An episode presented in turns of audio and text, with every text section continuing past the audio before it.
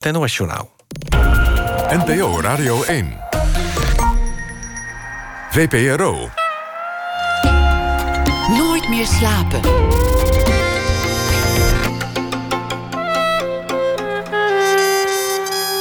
Met Pieter van der Wielen. Goedenacht en welkom bij Nooit meer slapen. Na één uur het tweede deel van de reeks Bob over de zoektocht naar iemand die misschien wel helemaal niet bestaat. Janne Loontjes heeft deze week elke nacht een verhaal over de afgelopen dag. En uh, dat gaat over de verhalen die meestal weer vergeten worden. U hoort haar na ene. We beginnen komend uur met Lisbeth Kooltoff. 2018 wordt een bijzonder jaar in haar werkende leven. Want na dat jaar neemt ze afscheid als artistiek leider van de toneelmakerij. Eerst maar even zeggen wie Lisbeth Kooltoff precies is, voor wie het nog niet weet. Geboren in 1954. Ze is regisseur van jeugdtheater en artistiek leider. Ze wordt door vakgenoten geroemd en geprezen omdat ze al sinds de jaren 70 het Nederlands jeugdtheater heeft vlotgetrokken. Een van de veranderingen is bijvoorbeeld dat het niet altijd pais en vree hoeft te zijn in een kindervoorstelling. Ze kreeg prijzen en onderscheidingen in Nederland, maar ook in andere landen zoals Duitsland. Ze ging veel samenwerkingen aan, ook internationaal, met Palestijnse makers en kinderen bijvoorbeeld. Komend jaar drie voorstellingen om de boel uh, goed af te sluiten. Spijker, I Call My Brothers, samen met dansgroep Aya. En dan een stuk van Brecht, de Krijtkring, samen met zangeres Frederik Spicht. Lisbeth Kooltoff, hartelijk welkom. Ja, leuk. Hoe is het om, om met iets te stoppen dat je, dat je zo lang met zoveel passie hebt gedaan? Nou, dat is wel een heel proces. Maar het ligt natuurlijk een beetje aan hoe je stopt. En ik heb zelf uh, twee jaar geleden al uh, heb ik een beetje na zitten denken. En toen dacht ik, volgens mij moet ik gewoon op een gegeven moment gaan stoppen. En aangezien ik altijd een beetje geprobeerd heb mijn eigen leven te bepalen, dacht ik, dat ga ik ook zelf bepalen. Dus toen heb ik met mijn bestuur gesproken. Heb ik gezegd, nou, ik zou eigenlijk wel 2019 willen stoppen. Op 1 januari. En daar waren ze eerst tegen. Maar na een beetje praten hadden ze iets van, nou goed. En toen ben ik eigenlijk gaan zoeken naar een opvolger heb een geweldige opvolger gevonden. En ben eigenlijk zo heel langzamerhand uh, ja, de toneelmakerij aan het overdragen aan Paul Knierim, die mijn opvolger wordt. En die nu al re veel regie doet. Dus het wordt, wordt een zachte overgang. Dus in die zin. Ja niet een groot trauma of iets heel erg moeilijks of dat soort dingen. Nee, helemaal niet. Maar kijk, het is natuurlijk, het heeft, je gaat allerlei fases door. Dat is, dat is gewoon zo. Dus toen ik het besloten was, vond ik het eigenlijk een supergoeie beslissing. Een half jaar daarna dacht ik, ik ben helemaal gek. Ik heb de allerleukste baan van de wereld. En die die ga ik nu gewoon vrijwillig weggeven. Waarom doe je dat? Uh, toen kreeg ik even dat ik dacht: oh god, als het maar goed gaat met die toneelmakerij. Want ik heb het toch dan bijna 30 jaar gedaan. Dus als het allemaal, als het maar niet misloopt. En nu, eigenlijk ben ik daar doorheen. En nu zie ik eigenlijk met veel plezier uit naar wat Paul ervan gaat maken. En op een bepaalde manier ook wel met veel plezier uit naar hoe ik zal zijn als ik niet meer artistiek leider van de toneelmakerij ben. Wat Want dat ben ik al heel lang. Ja. Is ook je identiteit geworden eigenlijk? Een stukje, ja. Het is natuurlijk een beetje eh, voor mezelf, maar ook voor een heleboel mensen die ik ken. Ja, ik ben ik gewoon Lisbeth Kolter van de toneelmakerij. En ik ben gewoon heel benieuwd wie ik ben op het moment dat ik dat niet meer ben. Dat ga je nog ontdekken? Ja. De, de, afstand tussen jou en je publiek in leeftijd, die, die werd natuurlijk steeds groter. Want, want ze groeien niet met je mee. Nee. Bij ieder ander gezelschap zouden de mensen ook in, in het publiek voor een gedeelte steeds ouder worden. Maar bij jou moet het wel gewoon zo zijn dat er elk, elk jaar een nieuwe groep tienjarigen zit. Ja, dat is zo. Er groeien wel overigens mensen met me mee hoor. Want ik ken ook best wel veel mensen die als kind al naar mijn voorstellingen gingen. en nu met hun kinderen naar mijn voorstelling komen. Dus dat is, dat is wel. Die continuïteit is er wel, maar iets, anders. Iets, maar op een hele andere manier. Maar ik, ik denk ja, om jeugdtheater te maken. Uh, kijk, ik ben, ik ben natuurlijk vroeger een kind geweest, maar vanaf het moment dat ik jeugdtheater maakte, was ik al geen kind meer. En ik denk dat voor mij is het altijd belangrijk geweest dat. Kijk, voor mij, kinderen leven in precies dezelfde wereld als waar wij in leven. En zien ook eigenlijk heel erg veel. Alleen hun perspectief is anders. Want zij hebben natuurlijk eigenlijk het perspectief van de machtelozen. Zij kunnen absoluut niets veranderen aan niets. Dus ze ondergaan het eigenlijk voor een groot gedeelte. En dat is eigenlijk altijd waar ik vanuit ben gegaan. Dus ik heb heel vaak gekeken naar wat zijn nou de grote veranderingen in mijn leven, in de wereld, in het leven hier? En wat is de weerslag van die grote veranderingen eigenlijk op het leven van kinderen? En dan blijf je, omdat je dat perspectief kiest, blijf je eigenlijk altijd best wel nieuwsgierig en hopelijk ook dicht bij kinderen. Maar de gedachte van het kind, ik ben ook kind geweest, zal je verbazen. Maar uh, ik kan niet echt bij dat kind. dat, dat ik zelf ooit was. Ik heb de herinneringen, ik heb de plaatjes, de beelden. Maar, maar de gedachten, daar kan ik niet bij komen, omdat die gekleurd zijn door de kennis van later. Door alles wat ik nu weet, door, door de volwassen blik. Maar die kinderlijke blik aannemen als volwassene, dat lukt me eigenlijk niet. Ja, maar dat is ook een beetje een training. Serieus, want uh, ja, dat lukt mij. Oh, het klinkt misschien een beetje raar, maar dat lukt mij heel goed. Dus bijvoorbeeld, ik vind bijvoorbeeld altijd heel erg leuk om in de bus te zitten. En dan echt gewoon te kijken wat ik zie. Want een kind is natuurlijk iemand die vooral kijkt wat hij ziet. En wij en volwassenen kijken wat ze denken dat ze zien. Omdat er meteen die interpretatie op zit. En dat die meningen die komen er zitten meningen op, interpretaties op. Weet je, die ziet er zo uit, dus die zal wel dit. Of die uh, kijkt een beetje nors, dus die zal wel dat. En dat doen kinderen natuurlijk niet. Dus die kijken vrij onbevangen naar wat ze zien. En dat kan ik eigenlijk vrij goed. Je kunt die onbevangenheid terugwinnen, ondanks dat die verloren is. Ja, ja, ja, dat vind ik, ja, ja, dat vind ik wel. Ik word ook heel veel gedachten gezegd als ik in de bus zit of op straat loop. Maar dat komt omdat ik heel erg kijk. En dat doen kinderen. Dat, is natuurlijk, dat weet je zelf ook als je in een bus zit en er zit zo'n zo'n klein hummeltje tegenover je. Die zit je gewoon onbeschaamd gewoon aan te kijken. En daar kan je als volwassene ook best wel een beetje verlegen van worden. En op een of andere manier ja, vind ik het leuk om soms zo te kijken naar mensen. Voor veel mensen is de jeugd een soort verloren paradijs waar, waar ze uit zijn weggestuurd. Een soort, soort staat waarin alles nog goed en ongerept was. Een soort idylle. Nou, daar geloof ik helemaal niks van. En dat heb ik nooit geloofd. En ik denk ook echt niet dat dat zo is. Natuurlijk zijn er mensen die wiens jeugd een idylle was. Maar ik denk dat er meer mensen zijn wiens jeugd niet een idylle was. Uh, en dat kan van een hele nare jeugd tot een, jeugd waar ook dingen in gebeuren. Geen mens komt volgens mij zonder kleerscheuren uh, door het leven heen. En uh, ja, ik heb het altijd heel erg belangrijk gevonden om juist die idylle een beetje door te prikken. Omdat het houdt kinderen ook een beetje klein. Weet je wel, als je, als je gewoon. Ik vind het nogal wat om van een kind te verlangen dat hij altijd blij, altijd gelukkig, altijd vrolijk, altijd lief moet zijn. Want dat is gewoon niet altijd zo. Je voelt je niet altijd zo, ook niet als kind. Voelde jij je als kind blij? Is dat hoe je erop terugkijkt? Nou, ik, uh, ik heb mijn moeder heel jong verloren. Hè. Toen ik vijf was, is mijn moeder gestorven. En uh, dat was in een tijd waarin men daar eigenlijk niet over sprak. Dus uh, ik verloor mijn moeder, maar vervolgens sprak niemand meer met mij daarover, want dat was zo zielig voor het kind. En dat is natuurlijk een hele rare, eenzame tijd geweest, waarin je dan opeens als vijfjarige iets heel groots zelf moet uh, verwerken. En om je heen is er best wel een groot zwijgen van volwassenen die allemaal net doen de hele tijd alsof er niks aan de hand is. Terwijl die, je die dood die er wel degelijk was, werd bij jou weggehouden. Ja, ja, maar het was wel mijn moeder, dus die was er gewoon niet meer. Maar ja, daar werd gewoon niet over gesproken.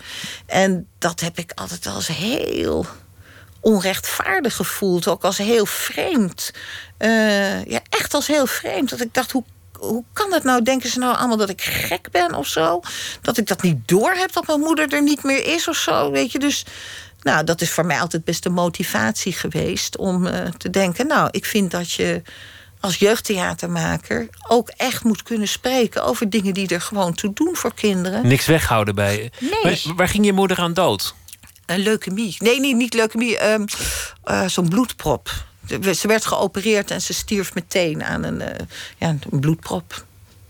Bloedprop klinkt helemaal niet zo ernstig, maar goed. Nee, maar dan kan je wel aan dood Maar dat geldt voor veel dingen, dat je er toch aan dood kan gaan. Ja, dan kan je aan dood gaan. Ja. Maar, maar het, het werd niet met jou gedeeld. Dus, dus kinderen, ze, ze deden kinderlijk tegen jou, vrolijk, aardig, lief. Ja, ja, Iedereen probeerde waarschijnlijk het beste, maar, maar niet praten over de dood, niet uitleggen wat het is. Ja. Nee, en dat vond ik helemaal niet fijn. Want ik had bijvoorbeeld buurvrouwen, dat herinner ik me nog heel goed. Die gingen mij dan de hele tijd op hun schoot trekken. En dan zo hun arm om mij heen slaan. En dan zo heel meewarig tegen me doen. Nou, dat vond ik verschrikkelijk. Dus ik ging ook bijten op een gegeven moment. Ik beet gewoon. Ik wou niet op die schoten. Ik wou gewoon dat ze er met me over praten. Ik, wou, ja, ik voelde me echt als een soort achterlijk iemand behandeld, eerlijk gezegd. Heb je, en toen heb was je het... toch vijf. Heb je de kist wel gezien? En je, je moeder nog gezien misschien zelfs? Ja, ik heb mijn moeder wel gezien. Helemaal alleen. En mijn moeder lag opgebaard in het Onze Lieve Vrouwen. En daar waren toen nog allemaal zusters. Dus ik, dat herinner ik me nog wel goed. Zo'n zo'n zuster. Ik dacht dat ze zwart was, maar mijn vader heeft me later verteld dat ze helemaal in het wit was. Met zo'n enorme kap. En toen heb ik bij haar op de baar gezeten. Die zuster is eigenlijk heel lief geweest. Die heeft mij op de baar getild. En toen heb ik een beetje de haar gekamd. En dat was eigenlijk best wel vrij uh, oké. Maar de begrafenis ben ik bijvoorbeeld niet geweest. En toen je dat haar kamde, had je toen door wat, wat dood was? Dat, dat lijkt me zo raar voor een kind. Om, om zo'n concept als dood te bevatten als iemand gewoon voor je ligt en je kunt die haren nog kammen. Ja, maar ik, ik weet niet of je dat hele concept dood kan vatten. Dat denk ik niet. Maar je weet wel dat iemand gewoon koud is. Want niks iemand zegt. Niks zegt en koud is en niks zegt. En ik heb wel heel erg lang het gevoel gehad dat ik contact had hoor, met mijn moeder. Dus ik heb ook nog jaren daarna altijd het gevoel gehad dat mijn moeder uh, ja, op bepaalde momenten bij me kwam en me wat vertelde of me troostte. En ja, ik denk altijd dat heb ik gewoon gemaakt. Ik heb gewoon een soort moeder voor mezelf gecreëerd die dat deed, zeg maar. Die moeder in leven gehouden op die manier? Ja, ja. Die functie die je natuurlijk een moeder toch heeft voor een kind. Eigenlijk een beetje zelf overgenomen. En, daar, en dat, ja, dat dan een beetje gemodelleerd naar mijn moeder. Ik vroeg je of, of de jeugd een verloren paradijs is. En, en daar, daar hou je niet van, als mensen er een idylle van maken. Maar die jeugd was natuurlijk wel het moment dat je moeder er nog was. Dus een soort heimwee naar. Kan ik wel begrijpen als die er is geweest? Nee, dat, nee want ik was zo jong dat ik, mijn, ik zelf mij mijn moeder niet herinner. Niet echt? Nee, dat is gewoon dat is een soort psychologisch iets. Dat als je jong bent en je verliest iemand en niemand praat erover, dan vergeet je gewoon iemand. Dus ik weet wel dat ik een moeder had, maar ik weet echt niet. En ik heb foto's, een paar. Dus, maar ik zelf heb geen echte leven. Ik heb geen echte herinneringen aan mijn moeder. Ik heb alleen maar herinneringen aan dat ze dood was. Je zei het is voor mij altijd een motivatie geweest. Die herinnering, dat dat, dat werd weggehouden bij me. Dat mensen mij klein wilden houden. Ja. Het, het leed weg wilden houden. Dat ze eigenlijk vonden dat het voor mij allemaal vrolijk en gelukzalig moest zijn. Dat is voor jou als theatermaker een, een motivatie. Dat is je bijgebleven. Ja. Je, hebt ook voorstellingen gemaakt voor kinderen waar het, waar het ging over de dood. Ja. Ja. Meerdere keren zelfs. Ja, nou eentje in speciaal heb ik uh, De Koning Sterft van UNESCO bewerkt. En dat is echt een voorstelling die heb ik echt gemaakt voor de kleine Liesbeth. Dat weet ik nog heel goed dat ik daaraan begon. Toen dacht ik, ik ga nu gewoon een voorstelling maken voor mezelf, maar dan toen ik vijf was. Dus ik ga gewoon die voorstelling maken die ik had, graag had willen zien. En dat was ontzettend feest om te maken. Dat was echt uh, heel, ja, daar werd ik zelf, maar ook die kleine Liesbeth en mij werd daar ontzettend vrolijk van.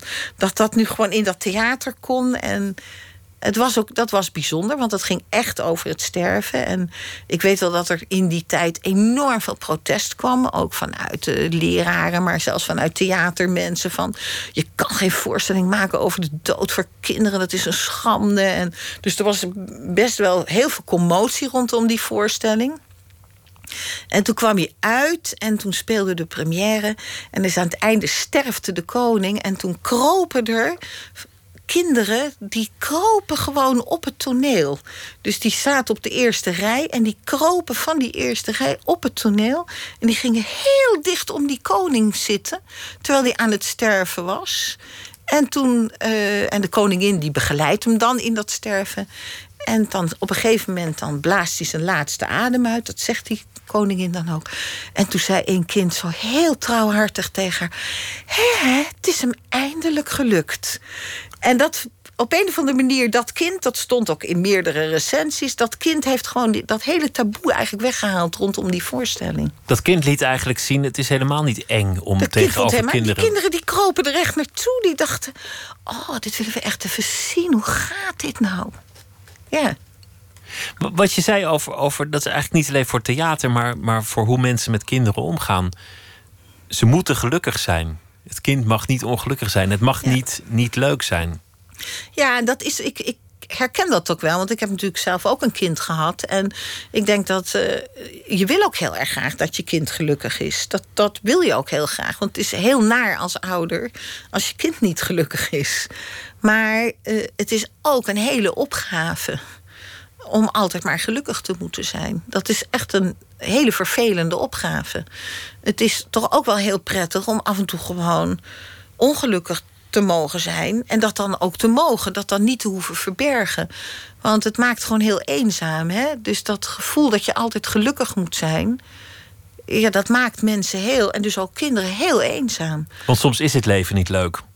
Nee, ik denk niet dat het leven altijd leuk is. Er En zijn dat- tegenslagen en dan is het vervelend als je vervolgens vrolijk moet zijn. Ja. Omdat je nou eenmaal gelukkig moet zijn. Ja, en omdat dat eh, weerhoudt je dus om het te delen. Je leert dan ook iets niet. Je leert niet dat, je, ja, dat het leven ook moeilijk kan zijn en dat je dat misschien ook kan delen met mensen. Je leert dat je het moet verbergen. Je leert gewoon dat je moet verbergen dat je ongelukkig bent. Dat kan later hele nare dingen opleveren als je volwassen bent. In zekere zin is dit ook gaan gelden voor de hele, misschien wel voor de volwassen wereld ook. Ja. Dat alles een positieve wending moet krijgen. Al die, al die talkshows, mensen met het grootste leed schuiven aan. Maar het eindigt altijd met dat het een goede ervaring is geweest. Of dat ze sterker eruit zijn gekomen. Of Ja, het moet altijd positief zijn. Ja, ik denk niet dat dat altijd zo is. Ik denk niet dat elke ervaring positief is. Ik denk wel dat je ermee kan leven. Ik denk dat, dat je zou ook wel moeten. En ik denk ook dat dat kan. Maar ik denk dat je leven bestaat uit hele mooie dingen... en uit ervaringen die ook niet zo positief zijn. Ik, persoonlijk denk ik, nou, ik had veel liever mijn moeder gehad... als dat, dat ze dood was gegaan. En Kijk, natuurlijk, het heeft een invloed op mij gehad. En daarom ben ik geworden wie ik ben geworden. En daar ben ik helemaal niet ontevreden mee. Maar als ik zou mogen kiezen, dan, eh, dan zou ik dat echt niet, eh, niet doen hoor. Dan zou ik echt die moeder kiezen. Zelfs als ik dan misschien helemaal niet in toneel was gekomen. Het is ook een vorm van onrecht. Want je, je had het over kinderen. Dat zijn de- mensen die nergens iets aan kunnen doen. De machtelozen. Ja. We zijn in zekere zin zijn alle mensen machteloos als het gaat over dit soort dingen. Iemand die doodgaat, daar ga je gewoon niet over. Ja.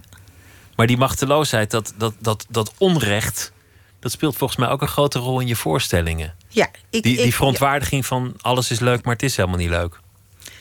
Ja, ja, dat. Maar ook, ik, ik merk zelf altijd, er zijn eigenlijk altijd twee motieven waarom ik een voorstelling maak. En de ene is dat ik iets niet begrijp. Dus dat ik echt denk, hoe zit dit in elkaar? Waarom gebeurt dit? En de andere is dat ik boos word over iets. Dat ik denk, nou, dit is toch te gek dat dit gebeurt. Hier moet, dit moet ik uitzoeken. Hier moet ik iets mee. Dus dat, ja, het zit altijd... eh, er zit inderdaad altijd wel een... Nou ja, nee, het, het is nieuwsgierigheid en, en ja, dat je opwint, dat je boos wordt over iets. Een soort bondigheid die je dan toekent aan, aan, aan de Ja. kinderen ook. Ja, nou, ik, bijvoorbeeld, dat is een heel ander voorbeeld. Ik, eh, ik, weet je, bijvoorbeeld, ik zat een, dat is al heel lang geleden, zat ik aan een tafel en toen was ik aan het praten met een kind van een jaar of zeven. En het was een hele grote tafel buiten, weet je super romantisch allemaal, met heel veel mensen. En ik zat te praten en één keer zegt dat kind tegen mij: Weet jij wat God is?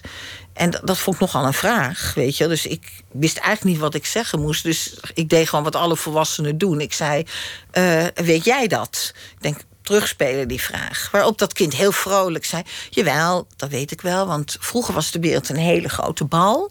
En toen is het helemaal uit elkaar gespat. En God, dat is degene die al die stukjes weer bij elkaar zoekt... om daar weer een hele bal van te maken. Nou ja, vond ik er geweldig, weet je wel. Dus we praten daarover door. En helemaal aan de andere kant van de tafel riep de vader van dat meisje riep tegen mij: Waar praten jullie over? En ik ook super stom riep terug over God. En die vader riep: God bestaat niet. En eh, ja, een beetje zo lekker nog. Ach jongens, maar God bestaat niet. En het hele gesprek met dat kind was dood. En toen dacht ik, oh ja, waar moeten eigenlijk al die kinderen met die religieuze gevoelens naartoe? Helemaal los van of, of dat over God gaat of niet. Maar ook kinderen hebben gewoon religieuze gevoelens. Dus toen heb ik gewoon twee, gewoon eigenlijk uit pure woede, dat wij volwassenen eh, met de. dat- omdat kijk, voor mij heeft niemand naar een kerk te gaan, weet je wel. Dat, dat doe ik ook niet. Maar eh, dat, dat dan, ja, dan vind ik eigenlijk, denk, goh, in heel veel plekken is gewoon dus een soort taboe op religieuze gevoelens. Eh, gevoelens over dat er iets is wat groter is dan jezelf. Of, eh, Ja, wat, wat je hier schetst is eigenlijk een soort, soort scheppingsverhaal. Een, een, eh, een ontstaansmythe. Hoeft niet, eens, hoeft niet eens tot de godsdienst te behoren. Nee. Je, hebt, je hebt ook die oude Griekse mythe van, van God die uit de zee omhoog kwam en ejaculeerde en dat Ja. werd het land. Ja, ja. Waarom niet? Ik vind alles Nou, goed. Ik denk ook prachtig, waarom Mooi niet? toch? Ja. heel mooi, fantastisch. Maar gewoon het, dat je denkt, ik vind het gewoon heel erg interessant. En kinderen hebben echt fases dat ze echt denken over waar ze vandaan komen. En wat die wereld is. En eh, wat oneindigheid is. Ik bedoel, dat kan ik me echt nog van mezelf herinneren. Dat ik dan s'nachts in bed lag en mijn ogen dicht deed. En dat ik dan probeerde om oneindigheid. Wat die on, hè, dan zag je telkens zo'n streep in je. En dan probeerde je die streep weg te krijgen. om te snappen wat de oneindigheid was. Nou, ja, dat is toch eigenlijk heel erg mooi. Vroeger gingen kinderen, kindervoorstellingen echt, echt over een sprookje. Assenpoester of zoiets.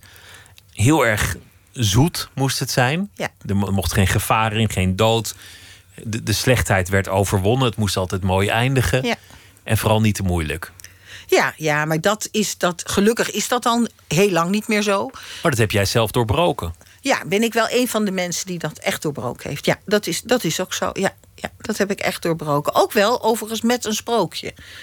Want wij, ik heb ooit eh, eh, La Belle et la Bête, Dag Monster, gemaakt. En, eh, maar dat was een totale doorbreking van dat sprookje. Want eigenlijk zijn sprookjes natuurlijk hele waardevolle verhalen. Het zijn ook geen kinderverhalen, sprookjes. Het zijn eigenlijk gewoon mensheidsverhalen... waarin de ontwikkelingsweg van een mens beschreven wordt eh, in zo'n sprookje. En dat heb ik toen helemaal samen met Pauline Mol... helemaal naar boven gehaald. En dat was een heel eh, heftig sprookje, zeg maar, over opgroeien.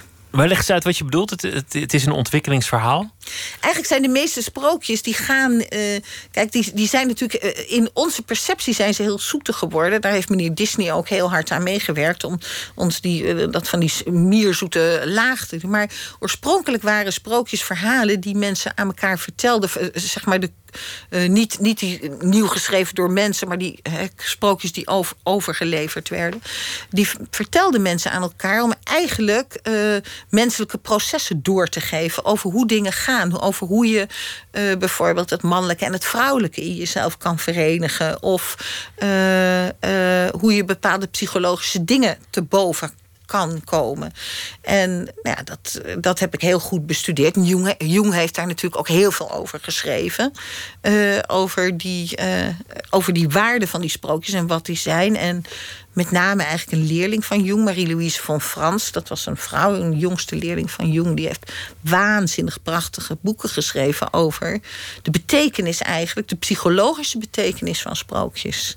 En die heb ik genomen. Niet dat mierzoete verhaaltje. Het gewoon je, je toegeëigend. Je, je hebt ook wel scheppingsverhalen gedaan. Ja, En, en gedaan, eh, andere ja. meer filosofische dingen. En dan was er altijd wel iemand die, die, die boos werd en zei: Dit is te moeilijk. Een, een woord als hunkering, daar, dat kan een kind toch niet begrijpen. Ja, ik heb, dat moet ik wel zeggen. Mijn hele carrière is wel begeleid doordat mensen zeggen: het is te moeilijk. Ja. En dat, dat is een tijdje was dat even weg en toen is het weer teruggekomen. Nu is het heel vaak eh, met taal, weet je wel. Eh, wat ik dan weer heel jammer vind. Terwijl ik vind, ik geniet enorm van voorstellingen met weinig taal. Dus het gaat mij helemaal niet over dat we allemaal hetzelfde moeten maken.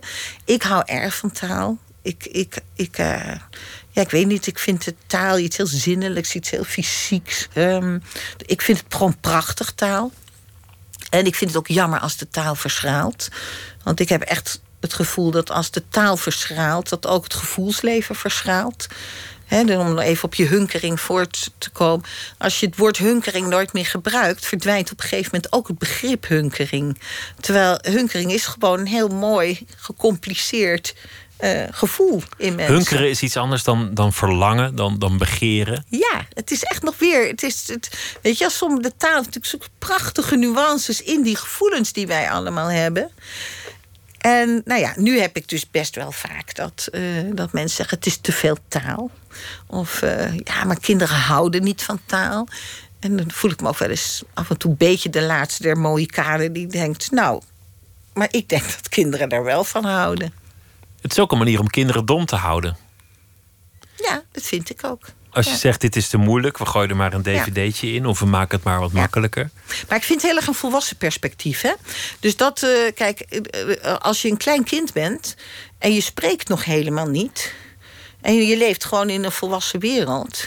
dan moet je, uh, ga je he zijn heel veel dingen dan zogenaamd te moeilijk. Alles, zo'n beetje. Dat bedoel ik. Alles is, dus een kind is een wezen wat ongelooflijk goed toegerust is om hele moeilijke dingen te doen. Veel beter toegerust als welke volwassene dan ook.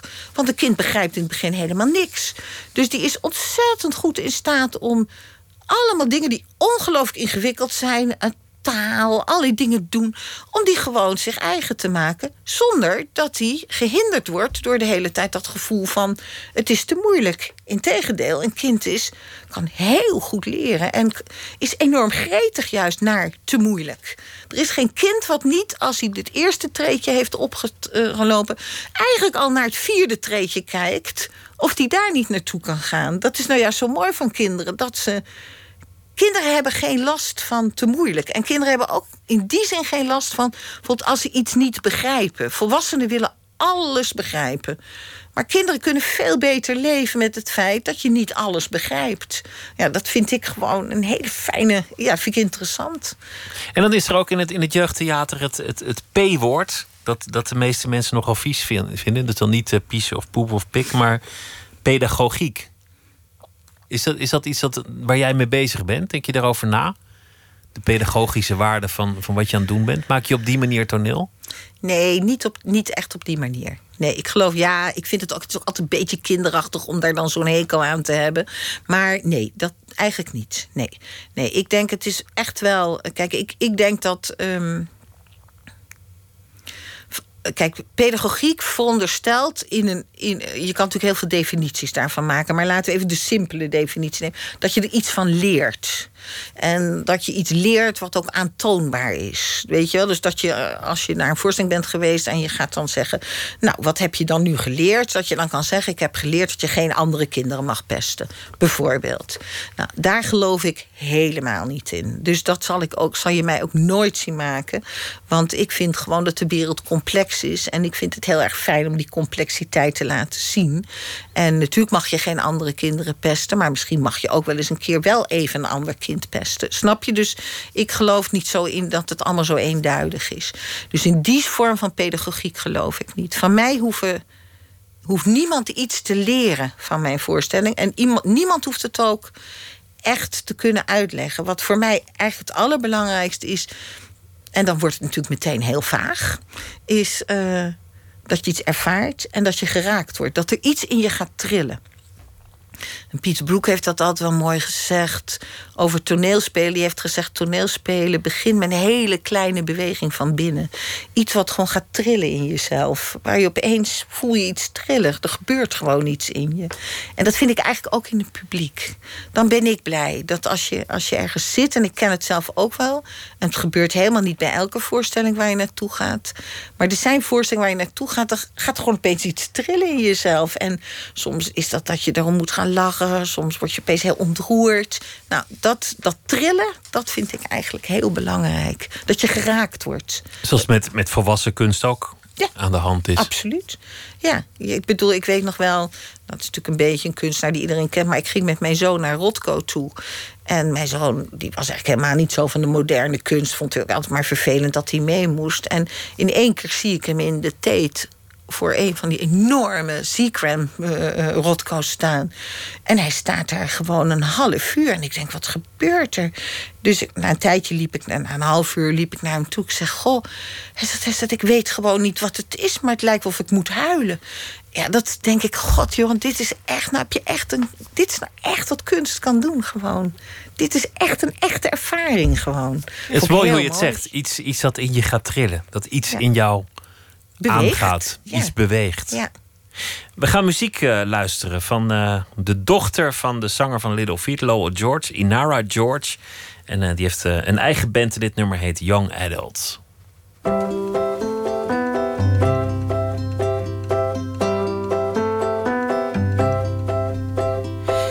I was the daughter of my father.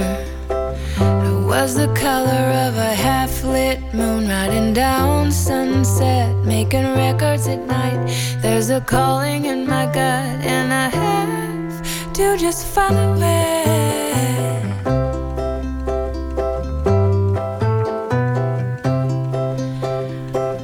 I was a girl in New York City. Collecting stories like I'm saving money, just hanging on the wall. We didn't care at all, cause caring meant that we weren't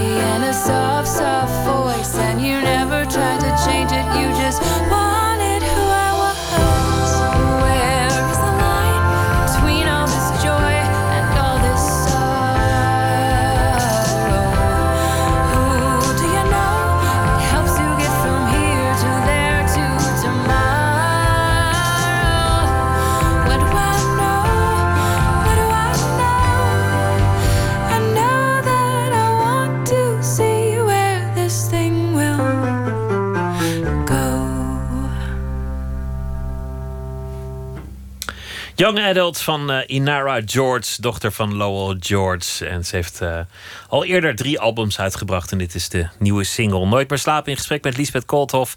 Want het is haar eh, laatste jaar als leider bij de toneelmakerij, artistiek leider. Drie voorstellingen komen eraan. Ehm, Spijker, I Call My Brothers en een stuk van Brecht als laatste. De Krijtkring, samen met Frederik Spicht zal dat zijn. Je zei eigenlijk zijn de kinderen de machtelozen in de wereld. De kinderen zijn degene die, die niks te vertellen hebben. Nou, kinderen hebben geen echte macht. Dat is, dat is zo. Kinderen zijn afhankelijk van hun volwassenen. En eh, eh, dus in die zin, ja, als de volwassenen iets niet willen, dan gebeurt het gewoon niet. En eh, dat is natuurlijk heel verschillend overal over de wereld. Want eh, ik, ben natuurlijk ook vaak op andere plekken in de wereld. En daar zijn wel kinderen van vijf die voor twee kleine zusjes zorgen. Eh, maar ze hebben nog steeds niet de macht. Ze, ja, ik, eh, ik, ik merk zelf altijd, ik heb eigenlijk altijd gemerkt dat de grote veranderingen in de maatschappij, dus echt veranderingen die er zo plaatsvinden, dat je die heel vaak het eerste gewoon merkt aan kinderen. Wat er gaat veranderen. de- Dus, Wat er veranderd is, zeg maar. Dat in merk de samenleving. Dus, Ja. dus bijvoorbeeld dat, dat Nederland veel kleuriger is geworden, dat zag je het eerst bij de kinderen. Dat zagen wij al. de- de dat, zagen wij al lang. Dat was bij ons al lang aan de hand voordat überhaupt het hele volwassenentoneel er ooit iets van had gehoord. Want wij, zaten, wij kregen gewoon klassen voor ons. En die klassen die waren gewoon gemengd. Die waren gewoon divers. Dus wij waren veel eerder. eh, eh, ten eerste zagen we het veel eerder dat dat aan de hand was in Nederland. En ten tweede moesten we er ook veel eerder een antwoord op formuleren. Dus je ziet ook dat het jeugdtheater veel verder is in de diversiteit als het volwassen theater. Wij zijn gewoon al veel verder daarin. Omdat we hebben dit al veel langer moeten doen. Omdat je merkte gewoon, ja, ons publiek dat is ook divers. En dan voelt het na een tijdje een beetje raar. Dat je daar dan alleen maar met witte acteurs staat. Dat voelt gewoon raar. Want je denkt, ja, wij maken toch dingen voor iedereen. Dus, dus eh, het is toch fijn dat je als kind kan identificeren enigszins. Maar bijvoorbeeld nu ook met armoede bijvoorbeeld. Weet je, dus dat het feit dat er natuurlijk best veel mensen echt arm worden in Nederland en arm zijn. Ook dat voel je het eerst. Je voelt dat gewoon bij kinderen, dat dat gewoon zo is. Je krijgt het ook te horen, kinderen die zonder eten naar school komen, die op school moeten eten. Je, ziet het soms ook aan kinderen. Dus dat zijn heel veel ja, grote maatschappelijke veranderingen. Vinden meteen hun weerslag op het leven van kinderen. En kinderen zijn ook, ook vaak de dupe. Als een, als een samenleving harder wordt, dan worden de kinderen het eerst uh, geslagen of verwaarloosd of wat dan ook. Ja, ja. nou ja, bijvoorbeeld nu bijvoorbeeld met al die, hè, dat komen op spijker. Uh, Nederland neemt bijvoorbeeld het aantal vechtscheidingen hand over hand toe. En uh, dus ja, dan gaan vader en moeder vechten snoeihard over de hoofden van het kind met elkaar en om het kind. En dat dus heel veel kinderen worden gewoon op een bepaalde manier letterlijk uit elkaar getrokken in die enorme strijd die er dan plaatsvindt. Je zou cynisch kunnen zeggen dat kinderen veel loyaler zijn aan hun ouders dan andersom. Dat is zo. Dat is niet eens cynisch, dat is gewoon zo. Eh, kinderen zijn altijd loyaal aan hun ouders. En dat is deels natuurlijk omdat ze niemand anders hebben. Ze zullen wel moeten. Want ja, als ze geen ouders hebben, dan wie is er dan?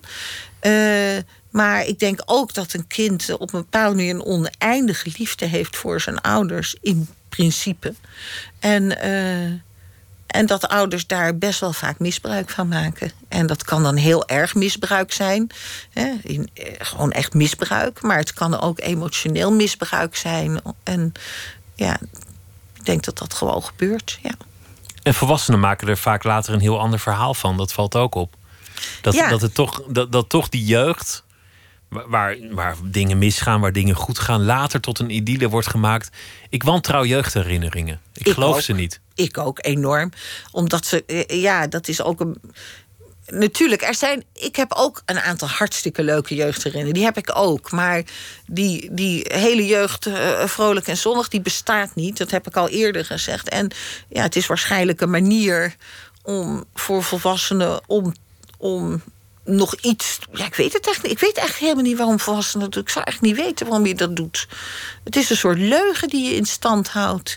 En dat is eigenlijk heel lastig in je leven, een leugen. Je, vind ik eigenlijk. Ja. De, de leugen dat het altijd leuk was, die jou als kind werd verteld. Ja. Die maak je er later zelf ook weer van. Die maak je er later zelf van. En dat is natuurlijk toch raar dat je dat doet. Want daarmee doe je dat ook weer voor je eigen kinderen. En dat is dus een soort wiel wat maar doorgegeven wordt de hele tijd. Terwijl dat eigenlijk helemaal niet nodig is. Want ja, zo erg is het nou ook niet als het gewoon af en toe even niet zo leuk is. Daar gaat echt niemand dood aan, aan dat het even niet leuk is.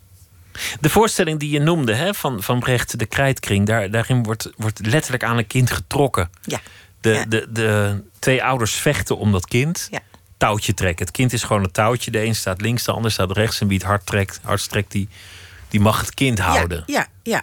Nou ja, en daar is natuurlijk mooi van, van dat de een de moeder is de echte moeder die het kind verlaten heeft omdat, uh, uh, omdat ze eigenlijk de eigen hachje aan het redden was. En het ander een dienstmeisje is wat niet voorbij kon lopen aan het kind wat daar het, het wordt oorlog. was. Iedereen maakt zich uit de voeten. Het kind blijft achter. Het kind zit, zit alleen. Uh, ja. ziet iedereen vertrekken. En het dienstmeisje denkt: nou ja, dit, dit kan ik niet maken om die zo te laten liggen. Ja, nou, ze zegt zelfs, dat vind ik zelf heel erg mooi. Want eigenlijk wil iedereen weg, want het is een kind wat ook doodgemaakt moet worden door de soldaten. Omdat het is eigenlijk een troonopvolger, dit kind. En de moeder die vlucht, de vader wordt vermoord en de moeder vlucht. En dat dienstmeisje die wil ook heel graag hard doorlopen. Want iedereen wil graag hard doorlopen. Want het is best wel een beetje een toxic kind, zeg maar. Het is niet zomaar een leuk kind. Het is een kind waar mensen achteraan zitten. En dan loopt ze door en dan in één keer hoort ze een soort stem die zegt: Hoe kan ik ooit nog iemand lief hebben als ik nu dit kind niet help? En dat vind ik zelf zo prachtig. En dat op een rare manier komt het toch ook over. dat raakt mij, weet je. Dat, dan denk ik, ja, dat is eigenlijk zo. Als we zo in het leven zouden staan, dan zou het echt een stuk beter zijn. Als je gewoon als je die, die stem gewoon af en toe kan horen. Die gewoon zegt, ja, hoe kan ik eigenlijk nog lief hebben als ik nu dit kind niet help? Je betrekt het dan op jezelf. Dus je, je maakt eigenlijk van je eigen wezen die moraal. Ja. Als ja. je die moraal nu loslaat, hoe zul je hem dan ooit weer Ja. kunnen oproepen bij een ander? Ja, ja. En, dan wat, en dan neemt ze dat kind mee. En dan gaat ze natuurlijk van dat kind houden. Terwijl ik haat dat kind ook in het begin. Ze zegt echt de verschrikking van de goedheid, noemt ze het. Weet je, dat ze zelf zo goed is, vindt ze echt verschrikkelijk eigenlijk. Want dan zit je maar weer met de problemen, weet je. Je kan beter, je kan beter gewoon doorlopen of heel hard de andere kant uitkijken. Maar ja, zij is dan toevallig zo goed, weet je wel. Dus, eh, nou. Maar ze gaat natuurlijk toch van dat kind houden. En dan is de oorlog voorbij. En dan eh, wil de moeder het kind terug hebben. Want aan het kind hangt ook de erfenis. En dan zegt de rechter, zegt, nou ja, die tekent dan die befaamde krijtkring in het midden. Zet beide vrouwen aan één kant, kind in het midden. Wie het hardst trekt, mag het kind hebben. En die moeder begint fors te trekken. En dat meisje, dienstmeisje, Kroesje, laat los. Want die, ja, die, die houdt zoveel van het kind... dat die kan dat kind niet uit elkaar trekken. Dan heeft ze liever dat dat kind bij die moeder is. En ja, dat is dan een beetje de... Ja, dat vind ik gewoon heel mooi. Dat Brecht daarmee eigenlijk zegt: van wie is het kind? Is het kind eh, van degene die het gebaard heeft, of is het kind van degene voor wie het zorgt? En eigenlijk verder ook nog: van wie is eigenlijk deze aarde? Is deze aarde van degene die het bezit, dus die, die, het, land, die het, land heeft, gewoon met een handtekening? Of is, de, of is de aarde van degene die ervoor zorgt? Is het land van degene die ervoor zorgt? Van wie is het water? Is het water van Nestlé? Of is het water van degene die ervoor zorgt? Nou, dat vind ik een hele eh, mooie en ook een hele opportune vraag in deze tijd, waarin natuurlijk bezit.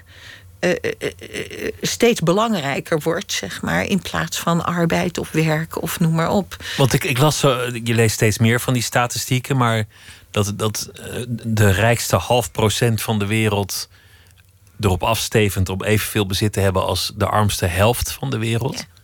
Dat soort getallen hebben we het inmiddels over. Dat gaat Ja. hier eigenlijk ook over. Van wie Maar- is het? Maar daar gaat het voor mij ook over. Dan denk ik, ja, er zijn dus een half procent van die mensen die hebben het. Blijkbaar, die hebben het geld en die hebben dat heel slim gedaan. Die schijnen dat dus te hebben. Maar is dat wel van hun? Of is het van al die mensen die gewoon op dat land werken... of die, die zorgen dat die straten schoon blijven? Of van, dus van echt, echt van wie is de wereld? En ja, we hebben natuurlijk... eh, kijk, al die systemen zijn natuurlijk ook eigenlijk min of meer kapot. En ik ben helemaal geen communist of zo geweest, ook niet. Maar het lijkt wel, ja, er is nog één echt snoeihard systeem in de wereld. En dat is gewoon het kapitalisme. En dat heeft gewoon toch wel behoorlijk. eh, ja, dat heeft behoorlijk huis gehouden. Dat is eigenlijk het enige wat als een soort enorme dikke haai uit eh, het over is gebleven. Dat heeft gewoon alles opgefroten. Het En- geld. Het geld bepaalt het gewoon geld alles. Gewoon, ja, het geld, het bezit. Het, eh, en eh, nou ja, dat, dat baart mij gewoon zorg. Dat vind ik erg. En eh, nou, dit toneelstuk zegt daar dan iets over voor mij. Je neemt vaak hele, hele serieuze volwassen schrijvers, Shakespeare, Brecht, ik, ik noem er maar een paar. En, en je blijft trouw aan het stuk, je blijft trouw aan de tekst. Maar je, je komt eigenlijk iets dichter bij de essentie ervan. Dat is eigenlijk de enige aanpassing die je maakt voor kinderen. Ja. Dat, dat je veel dichter op het verhaal gaat zitten. Wat staat er nou eigenlijk echt? Waar gaat het nou over? Ja, ja en ik probeer eigenlijk altijd het, het kind eh, centraal te zetten. Dus wat ik heel vaak doe is. Ik haal gewoon uit de. Ik, bijna in elk groot stuk zit wel een kind. Dat is bijna geen klassiek stuk waar niet ergens ook een kind zit. Alleen dat kind is heel vaak een soort leidend voorwerp. Hè. Bij Medea worden ze vermoord. Bij Antigone wordt ze, eh, eh, hè, wordt ze vermoord. Bij Iphigenia wordt ze op een brandstapel gezet. In de Wilde Eend heb je Hedwig. Dat, weet je, dus bijna in elk stuk zit er wel een kind in elk volwassen stuk. Maar het is een bijrol. En ik maak er eigenlijk voortdurend van die bijrol maak ik de hoofdrol. Dus ik, ik haal dat kind gewoon uit die schaduw. En ik denk dan, oké, nu hebben we dit kind en dit hele verhaal. Hoe kijkt dit kind naar dit verhaal? Wat, wat gebeurt er eigenlijk met dit kind door die ogen van dat kind? Het perspectief verandert, ja. Ja. Maar dat, die verontwaardiging, waar je, waar je het net over had, Ja. hè? Van, van waar gaat de wereld eigenlijk naartoe? Hoe gaan we eigenlijk om met die wereld? Hoe gaan we om met elkaar? waar is eigenlijk, welke moraal hebben we nog in deze samenleving? Ja, dat- daar gaat heel vaak niet alleen je voorstellingen over, maar ook waar je hem speelt. Want je bent. Je hebt samengewerkt met Palestijnse theatermakers. Ja. En eh, voor Palestijnse kinderen gespeeld. Ja. Je hebt daar eigenlijk zelfs een langdurige relatie mee, Ja. mee opgebouwd. Hoe, hoe is dat ooit begonnen en wat, wat gebeurt er dan als je daar komt? Dat is eigenlijk begonnen op een hele bijzondere manier. Eh, ik zat in een heel klein Europees netwerkje. En wij waren eh, van vier, vijf landen die met elkaar praten. Gewoon je- jeugdtheatermakers. En wij waren in Duitsland en toen ontmoetten wij een Joegoslavische theatermaker. En dat was, toen, dat was eigenlijk in het begin van de oorlog in Joegoslavië. En die vertelde hoe erg het was daar. En hoe erg het ook was voor de kinderen. Omdat op een gegeven moment ook geen scholen meer waren en noem maar op. En dat die kampen allemaal vol zaten. Die vluchtelingenkampen, wat vroeger dan de hotels waren geweest. En ik weet niet waarom, maar we hebben toen besloten om daar naartoe te gaan. Om voorstellingen daar te gaan spelen. In de kampen voor de kinderen. En dat was een heel gedoe, want je kon daar natuurlijk helemaal niet komen. Dus uiteindelijk zijn we met het Belgische leger... met zo'n echt zo'n legervliegtuig gevlogen. En hebben we eh, drie weken lang... eh, zijn we eigenlijk langs de kust, dus het was voornamelijk Kroatië, ook een stukje Bosnië zijn we geweest. Hebben we gewoon in al die kampen hebben we gespeeld. En, ehm, en, in, en, en omdat wij een van de allereerste waren die daar kwamen, want toen kwam er eigenlijk nog niemand, eh, moesten we ook heel vaak andere kampen bezoeken. Eh, want dan kwamen burgemeesters van kleine dorpjes en zo. En die zeiden dan, kunnen jullie ook naar ons komen? Dus dat was een heel gek gevoel. Want je werd eigenlijk, we werden echt die, dan rondgereden. En soms waren we echt maar, maar de 600, 700 meter van het front ook af. Weet je wel? Eh, en dan werden we weer in zo'n kamp afgeleverd. En dan, ja, dan liep je daar weer, zeg maar. En... ehm, nou, ik had een heel goede relatie met de buschauffeur. Daar kon ik gewoon heel goed mee opschieten. Dus die ging vaak met mij mee. En ik zat op een gegeven moment bij zo'n familie. eh, met die oma. Ik heb nog hele mooie foto. Die oma zat de hele tijd mijn hand te aaien. En ik zat te luisteren eigenlijk. Dus zij waren gewoon helemaal aan het vertellen... alles wat ze meegemaakt hadden. En na een uur dacht ik... Ja, ik toen zei ik, mag ik ook iets vragen? Ik voel me gewoon eigenlijk heel moeilijk hier. Omdat ik voel me zo'n soort rampentoerist. Weet je wel? Dat ik met zo'n bus hier kom en dan uitgeladen word. En daarna ga ik die bus weer in. Dan ga ik gewoon lekker naar huis. Ja, het, het voelt gewoon eigenlijk helemaal niet goed. Eh, wat kom ik hier eigenlijk doen? Vroeg ik aan hun. Ik weet eigenlijk niet wat ik hier kom doen. En toen zei die man tegen mij... Nou ja, als ik naar mijn buurman ga, dan zegt hij tegen mij van... eh, ik heb dit meegemaakt en mijn koeien en mijn zoon... en mijn andere buurman zegt, mijn dochter... Dus hij zegt, wij praten er eigenlijk niet over. Want wij hebben allemaal hetzelfde verhaal. En hij zegt, en nou kom jij... en dan praat ik al een uur lang. Ik ben al een uur lang... kan ik aan jou vertellen wat... wat jij bent hier, maar om één reden... je bent hier om te luisteren.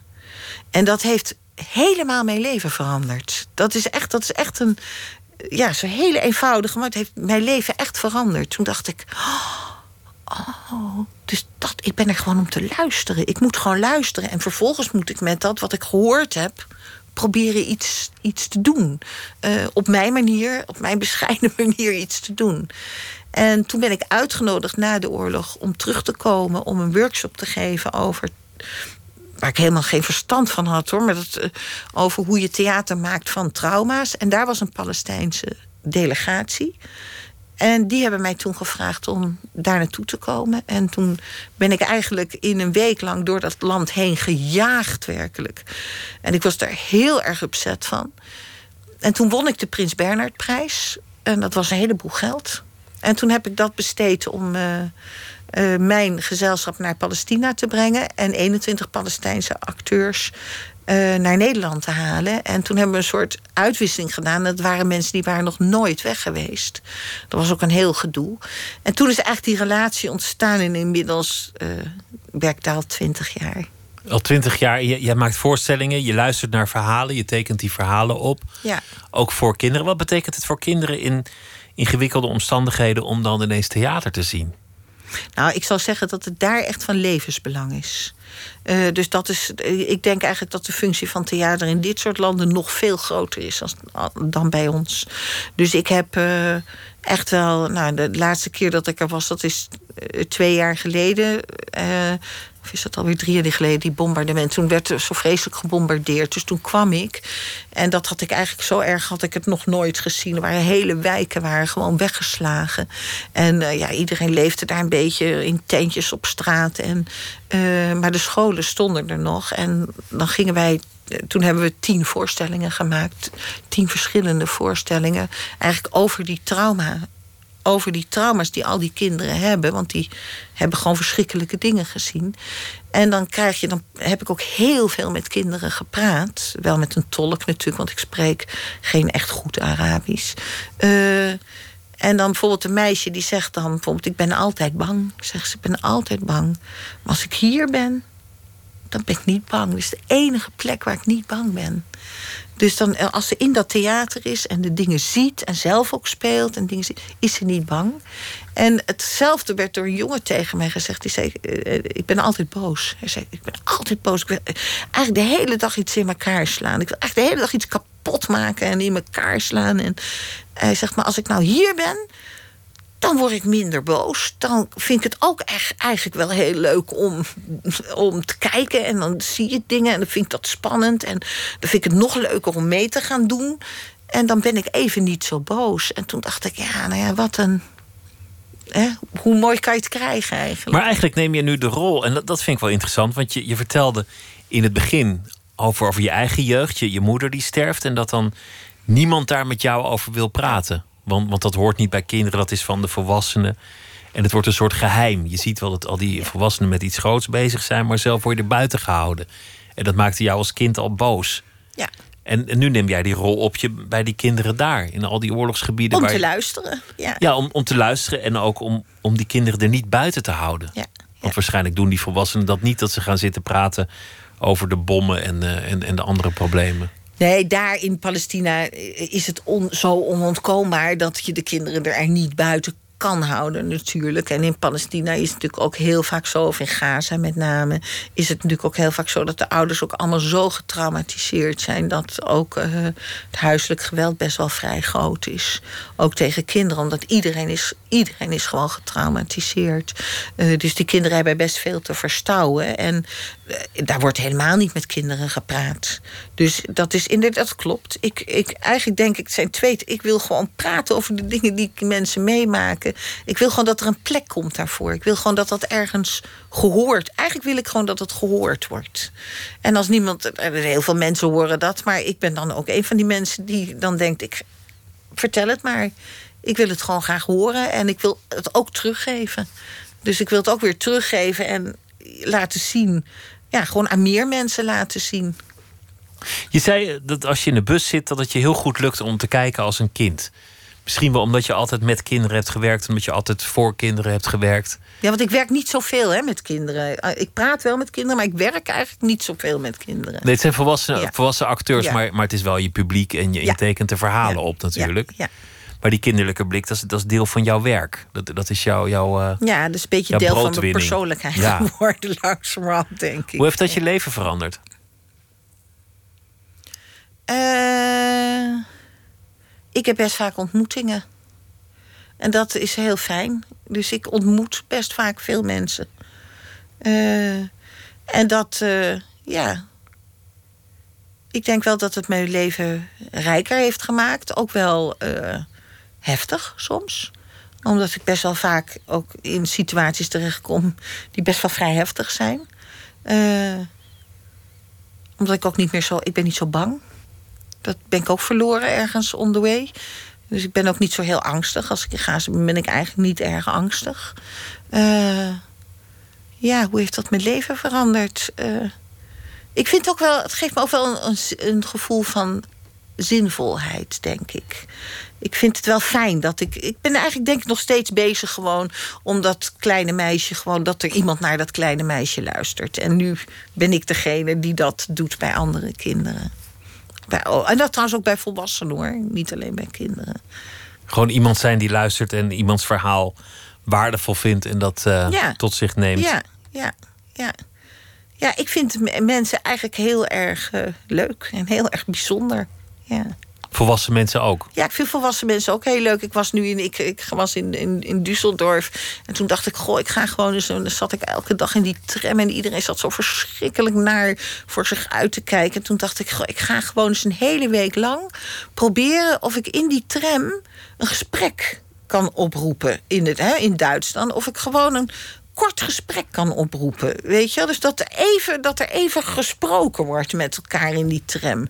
Dus dan zit ik daar, dan moet ik natuurlijk heel goed nadenken of ik een soort leuke openingszin weet of iets zeg.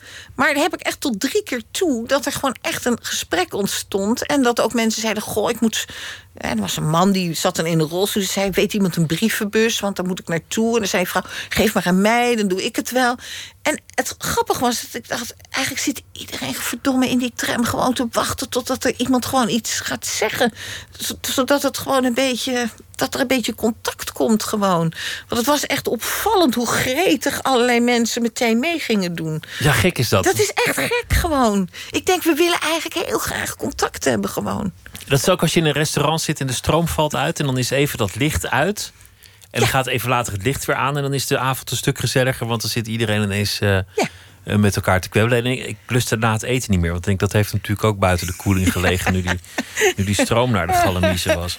Nee, maar het is een beetje, ja, ja. Het is natuurlijk, uh, we zijn natuurlijk heel geïndividualiseerd. Dat is in, in andere landen anders natuurlijk. Dat is in Gaza anders, in Iran ook anders, weet je. Dus dat is op andere plekken is dat natuurlijk anders. Daar, daar, daar leef je veel meer nog in de familie en in de groep. Met alle voor- en nadelen ook natuurlijk daarvan. Uh, nou Nog uh, drie voorstellingen te gaan komend jaar. I Call My Brothers met uh, dansgroep Aya en uh, de Krijtkring samen met Frederik Spicht. En dan ook nog de voorstelling die het eerste begint. En Welke was dat ook alweer? Dat is Spijker. En dat vind ik nog wel leuk om te noemen, want die is geschreven door Roel Adam. En Roel Adam is echt mijn compaan vanaf het begin. Die gaat ook weg bij de toneelmakerij. Maar daar werk ik al vanaf mijn achttiende mee samen. Ik denk dat wij het langste duo zijn in Nederland. Die al echt samenwerken. En Roel is acteur, maar ook een geweldige schrijver. Ik wens je heel veel uh, plezier en heel veel succes. Lisbeth Kooltof, dank je wel. Jij ook bedankt, leuk. Zometeen gaan we verder met Nooit meer slapen met uh, onder meer een verhaal van Janna Loontjens. En het tweede deel van de serie Bob, een zoektocht naar een wellicht niet bestaand persoon. Twitter, het VPRO NMS. En u kunt zich abonneren op de podcast via de site van de VPRO, vpro.nl. Schuine streep, Nooit meer slapen.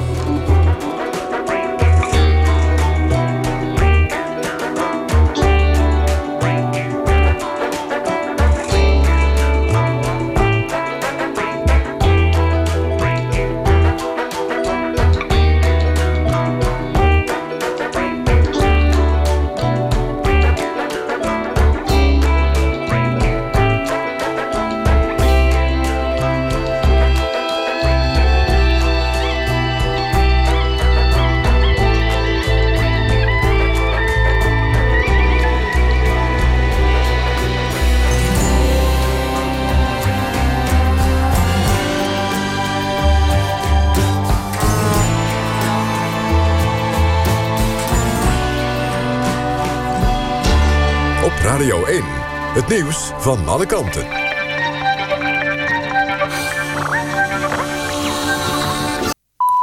1 uur, Clemens Peters met het NOS Journaal. In Sliedrecht is de afgelopen avond een jongen van 11 gewond geraakt... toen er vuurwerk in zijn hand ontplofte. De jongen is met oogletsel en verwondingen aan zijn hand naar het ziekenhuis gebracht. Volgens de politie had hij het vuurwerk gevonden op straat... en toen hij het aanstak ontplofte het meteen. Chef de mission Jeroen Bijl van de Nederlandse Olympische ploeg... wil dat het bestuur van NOC-NSF voordat de winterspelen beginnen... duidelijkheid geeft over IOC-lid Camille Eurlings. Eurlings is in opspraak gekomen vanwege de mishandeling van zijn ex-vriendin. En Bijl vindt dat het NOC-NSF op korte termijn... een helder standpunt moet innemen over deze kwestie. Het OM in Duitsland spant mogelijk een zaak aan tegen politica Beatrix van Storch voor haatzaaien. Op Twitter haalde de politica van de rechtspopulistische Alternatieve voor Duitsland hard uit naar de politie in Noord-Rijn-Westfalen, omdat die een nieuwjaarswens ook in het Arabisch hadden getwitterd. AFD-fractieleider Alice Weidel viel haar bij op sociale media...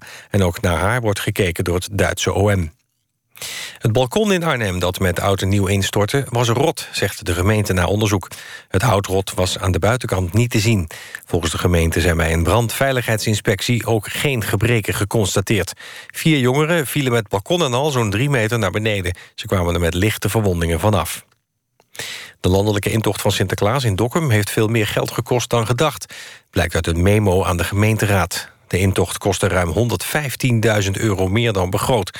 Onder meer omdat er een vaargeul moest worden gebaggerd voor de pakjesboot. En er werd meer geld uitgegeven aan veiligheid. Het weer. Vannacht plaatselijk veel regen bij een toenemende wind. Morgen gaat het vooral langs de kust hard waaien.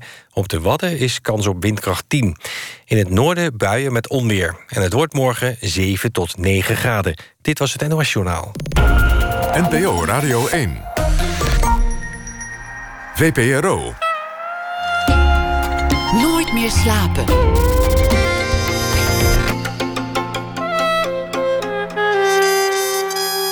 Met Pieter van der Wielen. U luistert naar Nooit meer tweede deel van de reeks Bob. Een documentaire serie over de 84-jarige Elisa... die verliefd wordt op Bob.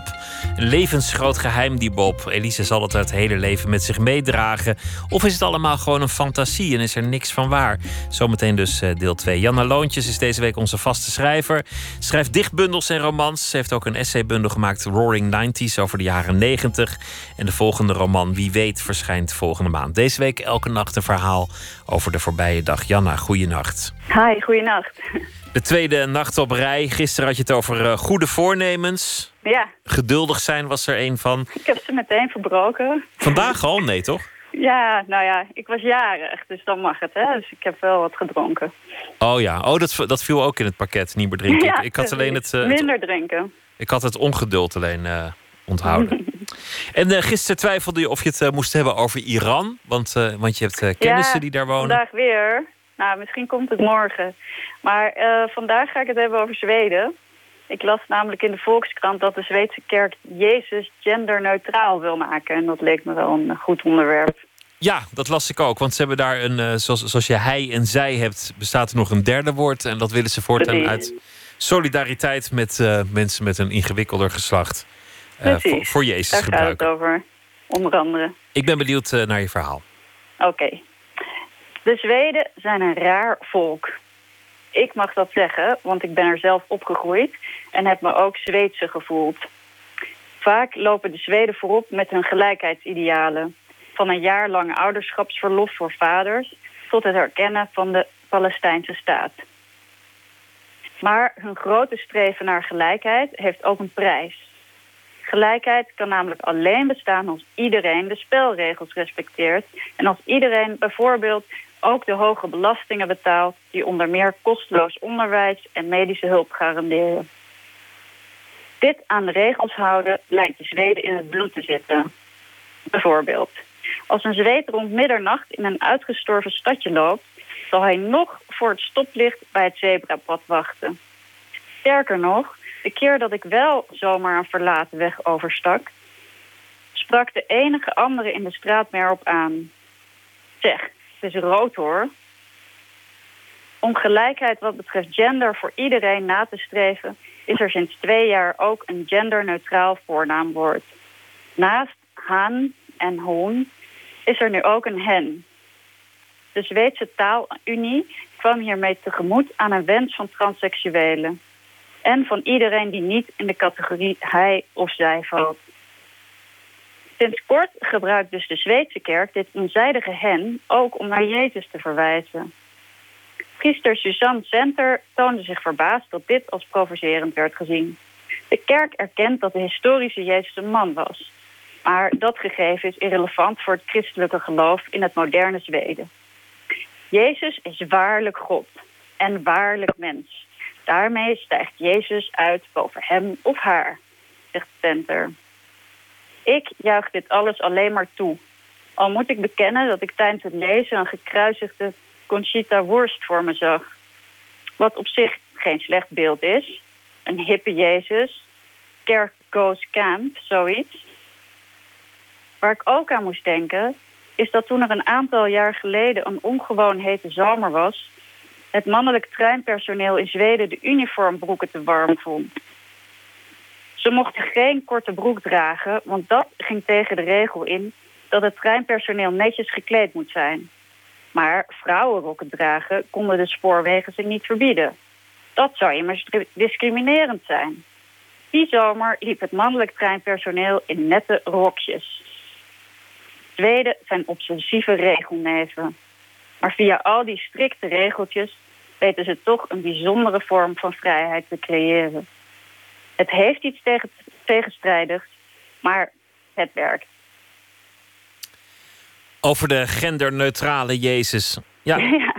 Ja. Nou is het, het moeilijke hiermee natuurlijk dat Jezus een historisch figuur is. En, en Ja. toch, toch echt wel een man was waarschijnlijk. Maar Ja, waarom hebben ze het niet aangedurfd om gewoon te zeggen dat God onzijdig is? Of Ja. dat, dat God misschien wel vrouw is? Of God nou een precies, daar transgender? was ook sprake van. Hè? Ze wilden eerst ook, ze wilden niet naar God eh, verwijzen als een hij of een zij. En ze hebben ook de het altaarboek ehm, aangepast. Of in elk geval is er ook de keuze om nu alleen maar te verwijzen naar in de naam van de drie-eenheid Gods. In die trant. Zodat er niet hè, de vader en de zoon eh, en de heilige geest wordt genoemd. Zodat het mannelijke wordt vermeden. Maar dat leek mij ook meer voor de hand liggen van ja, want God, hè, niemand weet eh, hoe die eruit zou zien. Dus dat zou een vrouw kunnen zijn. Ja, Maar eh, goed. ik denk een zwarte lesbische vrouw in een rolstoel. Ja, Waarom niet? Dan heb je het meteen helemaal gehad, toch? Ja, dat zou heel goed zijn. Maar ja, wie weet, misschien voelde Jezus zich ook wel vrouw. Dat kan natuurlijk. Ja, alles kan. Maar, Ja. ik, maar ik, eh, ik snap ook niet zo goed, en, en dat, is, dat is een soort inflatie in gekwetstheid, waarom het kwetsend zou zijn als, als je aan iemand refereert als man, terwijl je zelf geen man bent. Of, of misschien eh, een andere gender hebt, vrouw of iets Ja, tussenin. ik heb dat ook niet helemaal begrepen. Want ik bedoel, je hoeft je toch niet helemaal te identificeren met Jezus. Hij hoeft niet hetzelfde te zijn of hetzelfde geslacht te hebben, lijkt mij. Maar goed, eh, ja, in Zweden dachten ze dat het toch mensen uitsluit als het alleen maar... ehm, ja, dat het misschien te paternalistisch is. Ik weet het ook niet precies hoor. Nee, ik heb soms moeite dat te volgen, dat, dat alles maar meteen kwetsend is voor iedereen. Nou, ik ook. Ja. Janna, dank je wel en eh, graag tot morgen. En nog gefeliciteerd met je, met je verjaardag. nou, dankjewel. Ja, goeienacht. Oké, doeg. Back to life, back to reality, back to life, back to reality,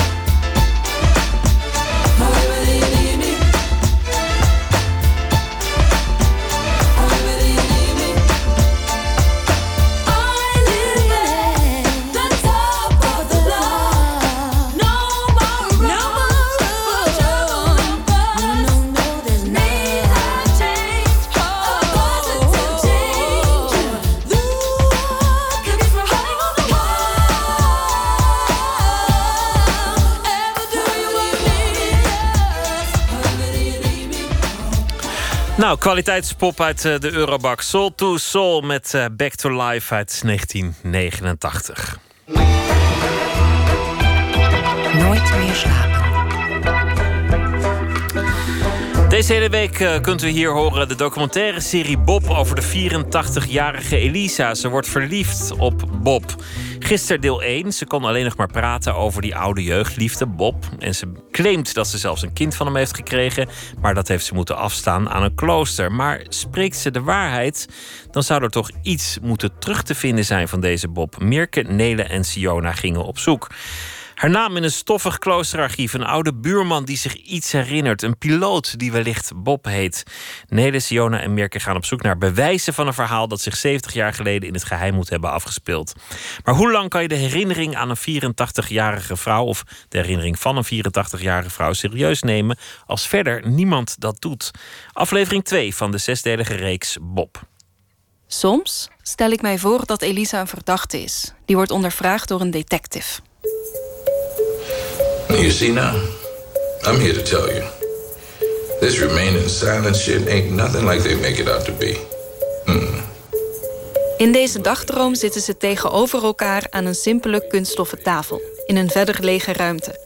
Elisa zwaait druk met haar handen, zoals ze ook doet wanneer ze met ons praat. En de detective, zo'n CSI New York-type met een mannelijk vierkant gezicht, die lijkt te beschikken over een oneindige hoeveelheid geduld, Oh yeah. Wordt langzaamaan tot wanhoop gebracht door deze kleine, oude vrouw. Ik had eh, twee kinderen toen al van Bob. Er zijn er nog twee bijgekomen. Ik heb toch zes kinderen, hè? Maar op den duur, want dan weet ik niet van waar die allemaal kwamen, had ik negen kinderen. Ik zeg alleen, van waar komen die nou? Ineens heb ik negen kinderen en bijna allemaal meisjes.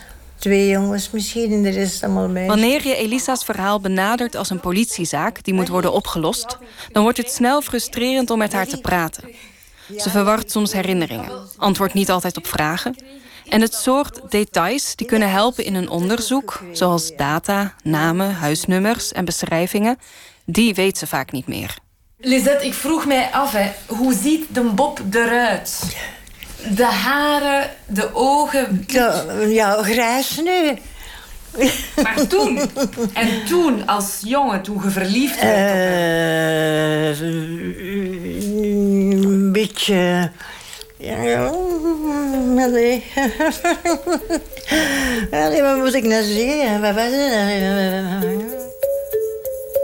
En al die tegenstellingen Ik heb toch zes kinderen, hè? Twee kinderen toen al van Bob. en duidelijke verzinsels, Vanavond, hè? alle avonden al is hem nog gedaan. Ligt hem hier over te vliegen. Met een vliegtuigje. en gaten in Elisa's geheugen, En ik vind dat zo spijtig, hè? Dat ik zoveel vergeet, hè? Dat is echt waar, zo. die maken het lastig om op onderzoek te gaan. Er zijn geen getuigen meer. De laatste was een tante van 101 die enkele weken voor we Elisa ontmoeten overleed. Dus waar moeten we beginnen? Wie moeten we bellen? Wat moet je googelen om een verhaal uit 1947 te verifiëren? En hoe leggen we aan instanties uit dat we op zoek zijn naar een man die misschien helemaal niet bestaat? Die CSI-detective zou het waarschijnlijk wel weten. Maar dit is geen politiezaak. Er is geen moord gepleegd, er zijn geen juwelen gestolen. Er is enkel een oude vrouw. Ja, ja, ja. Zittend in haar grijze fauteuil in het hoekje van haar kamertje in het rusthuis. Bob, Bob, Mompelend. Bob, Bob, Bob. En wij zijn er. Drie radiomakers die juist willen proberen om Elisa niet als die oude, verwarde vrouw in de hoek weg te zetten. Maar haar te zien als iemand die een verhaal probeert te vertellen. En daar gewoon een beetje hulp bij nodig heeft. We leggen samen met u de puzzel van het verleden. Marie? Dat we samen de puzzel leggen van het Ah, ja, verleden. dat is goed dan. Ja, ja, Eh, ja. we zijn ja, met u op zoek. Ja, dat is goed. Het is ja. voor u niet gemakkelijk, Oh, maar we komen het wel te weten. Ja, ja. Wij zijn Nele Eekhout, Siona Houthuis en ik, Mirke Kist. Dit is Bob. Aflevering 2.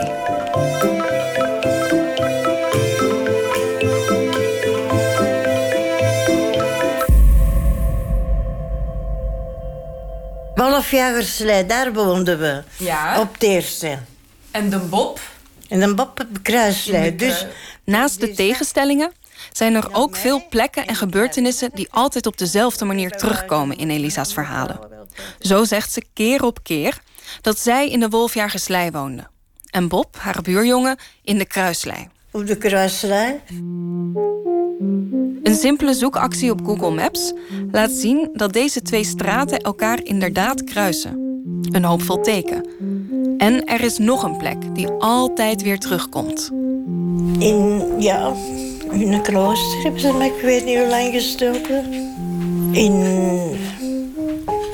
Beveren. Beveren is een gemeente in Oost-Vlaanderen op slechts 20 kilometer van Antwerpen. Elisa zegt dat ze hier naartoe werd gestuurd door haar vader toen ze in verwachting raakte. Moeder onze pa heeft mij daar binnen gedaan omdat ik in verwachting was, denk ik, van de Bob. Ze werd hier ondergebracht om haar uit het zicht van de buren en de handen van Bob te houden. Dat was, een- dat was mijn vader zijn ding, hè. weg van de Bob.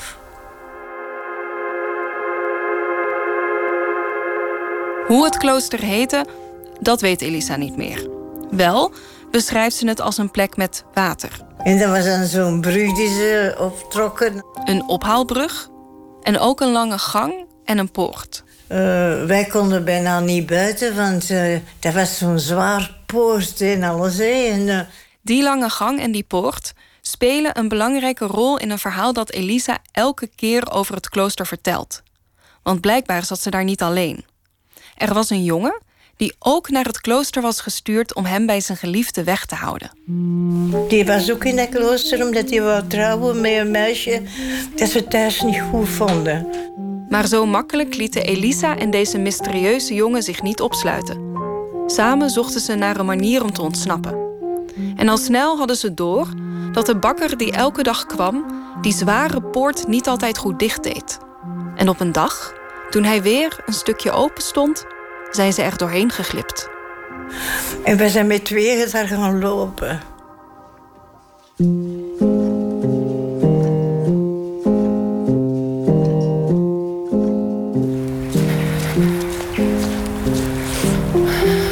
Oké. Nou, welke kant? Dus we staan nu in de een of andere dreef. Nele en ik zijn in Beveren. Oh, het spreekt hier wel tot een verbeelding. Daar niet van. En het begint te regenen. Ah! Het is januari. Koud. De lucht heeft de kleur van melk. We zijn beide ontzettend verkouden. En de batterij van onze enige telefoon heeft het net opgegeven. We staan op een verlaten weg naast het spoor. Zonder routebeschrijving en zonder een greintje natuurlijk richtingsgevoel.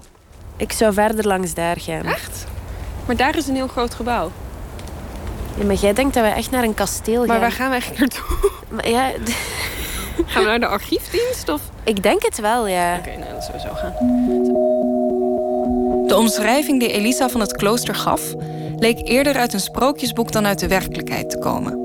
Maar terwijl we nu op goed geluk door een nat en troosteloos parkje dwalen, doemt recht voor ons een kasteel op dat inderdaad uit de fantasie van een van de broertjes Grim lijkt te komen. Maar dit zou het wel echt kunnen zijn, toch? Volgens wat ze beschrijft. Ja, water, een gracht, iets wat. Ja, ik weet niet of je die brug daadwerkelijk naar boven kunt doen, maar ja, ik denk dat wel eigenlijk. We hebben een afspraak met Karine Goossens en Bert Verwerft, twee vriendelijke archivarissen. Super. Hallo. Nee, nee. Hi, ik ben Mirke. Ja. Ja, ja, het is eh, goed fris. eh. En terwijl we via een brug, een poort en een lange gang naar een kamertje worden geleid, zijn we er met elke stap zeker ervan dat we op de juiste plek zijn. En, eh, en misschien willen jullie koffie of... of eh?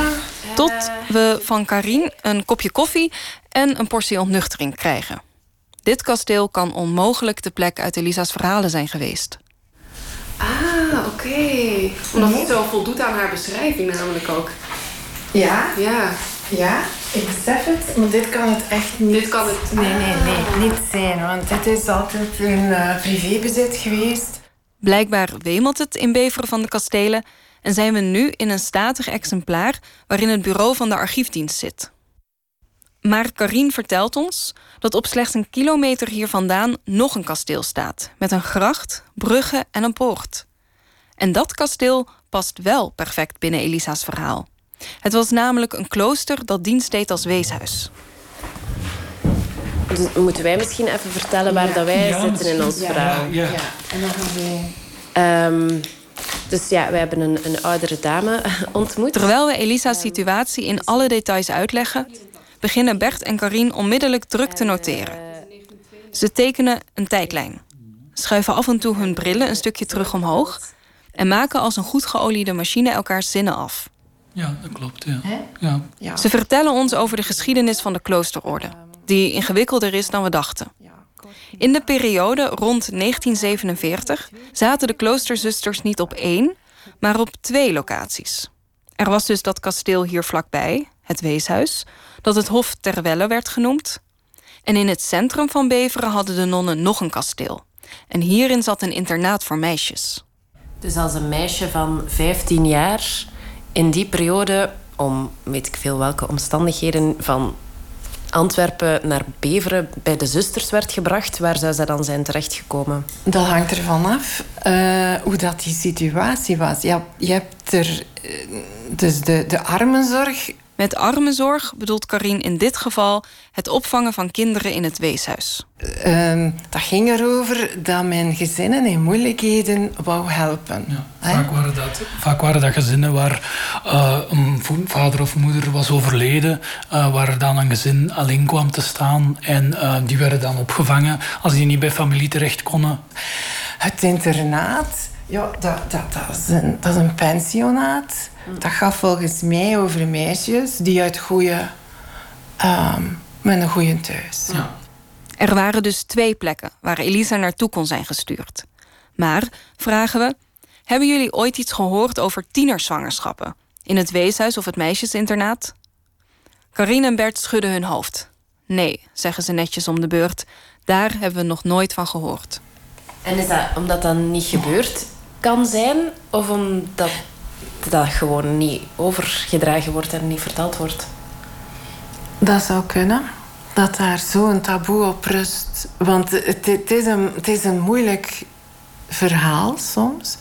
Um, de, de zusters die er nu nog zijn, uh, hebben het ook moeilijk met getuigenissen van mensen die een negatieve herinnering hebben. Dus zij kunnen dat moeilijk rijmen met hun eigen gevoelens over die geschiedenis. In hun herinnering en in hun geschiedenis gaat dat vooral over weldoen en over goed voor kinderen zorgen en, en moeilijke situaties oplossen, terwijl dat die kinderen dat vaak anders hebben aangevoeld. De kloosterorde was een zeer gesloten gemeenschap. Niemand kwam zomaar binnen of buiten. En de omgeving had vaak geen flauw idee van wat er zich allemaal binnen die muren afspeelde. Maar het is dus wel niet volledig onmogelijk. Nee, dat alles niet volledig nee het is niet volledig onmogelijk. Het is wel, eh, net zo, zoals Bert zei, het is echt een afgeschermde gemeenschap. En het is daar waar je die dingen kunt doen. En als zij dan nu niet noteren, als zij daar geen lijsten van bijhouden. En het meenemen in een graf. Ja, daar wordt over gezwegen, ja.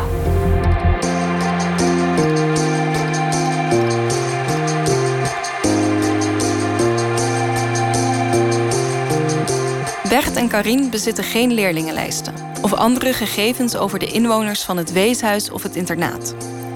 Dus een paar weken later gaan we op bezoek bij een zuster van de kloosterorde om deze in te zien. Er wordt een stapeltje dunne, verweerde kartonnen schriftjes bovengehaald, waarin in krulletters namen, aankomst en vertrekdata geschreven staan. De eerste schriftjes beginnen in de jaren 30 en het laatste schriftje eindigt begin 1947. We vragen de zuster waar de volgende is, want ja, dat is net degene die we nodig hebben.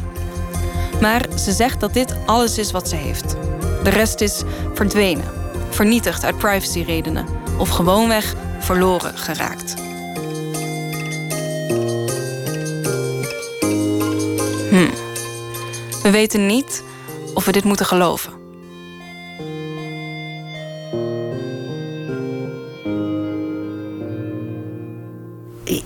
Een, een aantal dingen rijmen niet met hoe wij ons moeder gekend hebben. Ehm, De verhalen die Elisa vertelt, van stiekem kusjes geven in een voortuintje tot een filmische ontsnappingspoging in een klooster aan toe, schetsen het beeld van een stoer, tegendraads meisje. Een tiener met een sterke wil en de durf zich tegen haar ouders en de kerk te verzetten. En dat in het katholieke Vlaanderen van eind 1940. Maar is dat wel het soort meisje en later het soort vrouw dat Elisa was? dat was een sterke vrouw, maar anderzijds ook weer niet. Omdat er niemand meer leeft die Elisa als jong meisje heeft gekend, vragen we het aan haar oudste dochter, Linda. Linda zegt dat als ze nu terugkijkt op haar jeugd, ze ziet dat het binnen hun gezin eigenlijk altijd haar vader was die initiatief nam en niet haar moeder. En haar moeder was blijkbaar ook nogal allergisch voor conflicten. Mijn moeder kon geen ruzie maken. Ik vond dat verschrikkelijk. Want eigenlijk moet je met iemand, zeker iemand in je onmiddellijke omgeving, moet je kunnen ruzie maken. Want anders blijven spanningen zich opstapelen. Maar mijn moeder kon dat eigenlijk heel slecht. En als ze iets kwam vertellen over iets dat wij in haar of hun ogen mispeuterd hadden, dan verschuilde zij zich altijd achter ons vader. Ja, ik moet je iets komen zeggen dat papa zegt. Maar niet alleen ging Elisa zelf confrontaties uit de weg, ook kon ze er slecht tegen als mensen rond haar ruzie maakten. Zelfs als ze dat eigenlijk niet eens deden. Zoals tijdens een familieetentje 15 jaar geleden. Carrie en haar toenmalige echtgenoot Mark waren er. En ik was er ook met mijn Mark, zal ik maar eventjes zeggen. En beide Marken zijn absolute fans van Bach. En dus begonnen de Marken al snel een gesprek over hun lievelingscomponist. En dat gesprek was steeds beter en beter in de andere kamers te horen. In hun enthousiasme ging die alsmaar luider praten en heviger praten. Ja, en ken je dat? Of heb je al geluisterd naar die uitvoering daarvan? Enzovoort, enzovoort.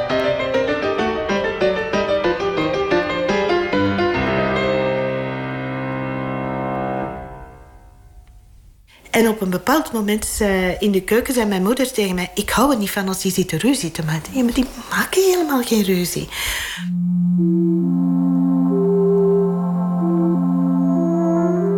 Wat zorgde ervoor dat Elisa ruzie en enthousiasme niet meer van elkaar kon onderscheiden?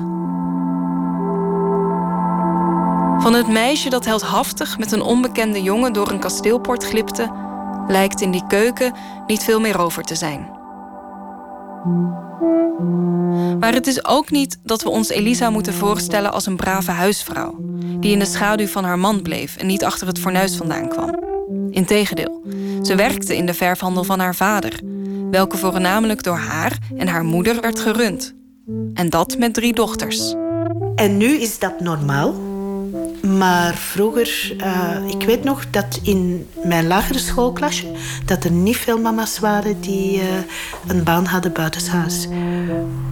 Dus die stond wel, wat dat betreft, praktisch... in het praktische leven met haar twee voeten op de grond.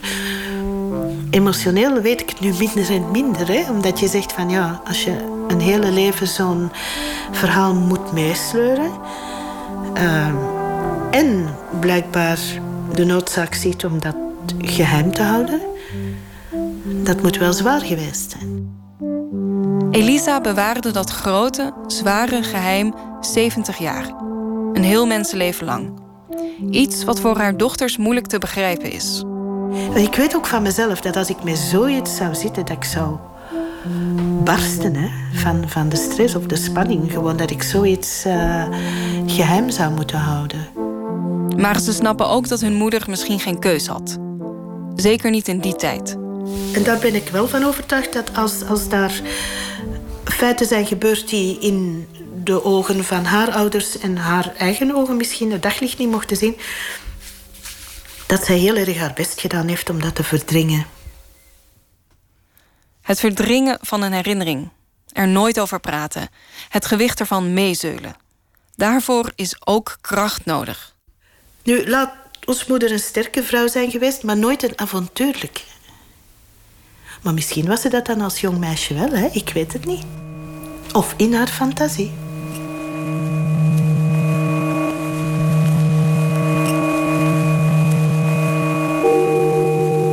Heeft Linda gelijk? Bestaat dat rebelse meisje enkel in Elisa's fantasie? Het zou verklaren waarom we maar niks vinden. Want hoe hard we ons best ook doen, tot nu toe levert onze zoektocht niets op. In het klooster in Beveren hadden ze nog nooit van tienerzwangerschappen gehoord. De leerlingenschriftjes waar Elisa's naam in zou kunnen staan, zijn zogezegd non-actief gemaakt. En Elisa's persoonlijkheid komt niet bepaald overeen met die van het meisje dat ze zo levendig beschrijft. Is Bob enkel een schim in Elisa's brein? Een film die s'nachts tegen haar dichte oogleden wordt geprojecteerd en die ze overdag aan ons vertelt. Voor ons bestaat Bob nu enkel uit een voornaam, een straat zonder huisnummer en een beroep bij een vliegmaatschappij die niet meer bestaat. Hoeveel Elisa dit ook herhaalt, hoe vaak ze zijn naam ook noemt, tastbaarder wordt hij er niet van. Eerder het tegenovergestelde. Maar dan, op een regenachtige zondagmiddag, buigt ze zich in haar fauteuil voorover en vertelt ze ons iets wat ze nog tegen niemand anders heeft gezegd. Zelfs niet tegen haar dochters. En heeft Bob een achternaam ook? Ja, ik weet het niet meer. Dus hij heeft een achternaam, ja. Toen heette hij Machilsen, maar met zijn achternaam. Toen was hem... eh, Magilsen, zei Machilsen, ja. Machilsen. Ja. Ah ja, ja. Bob ja.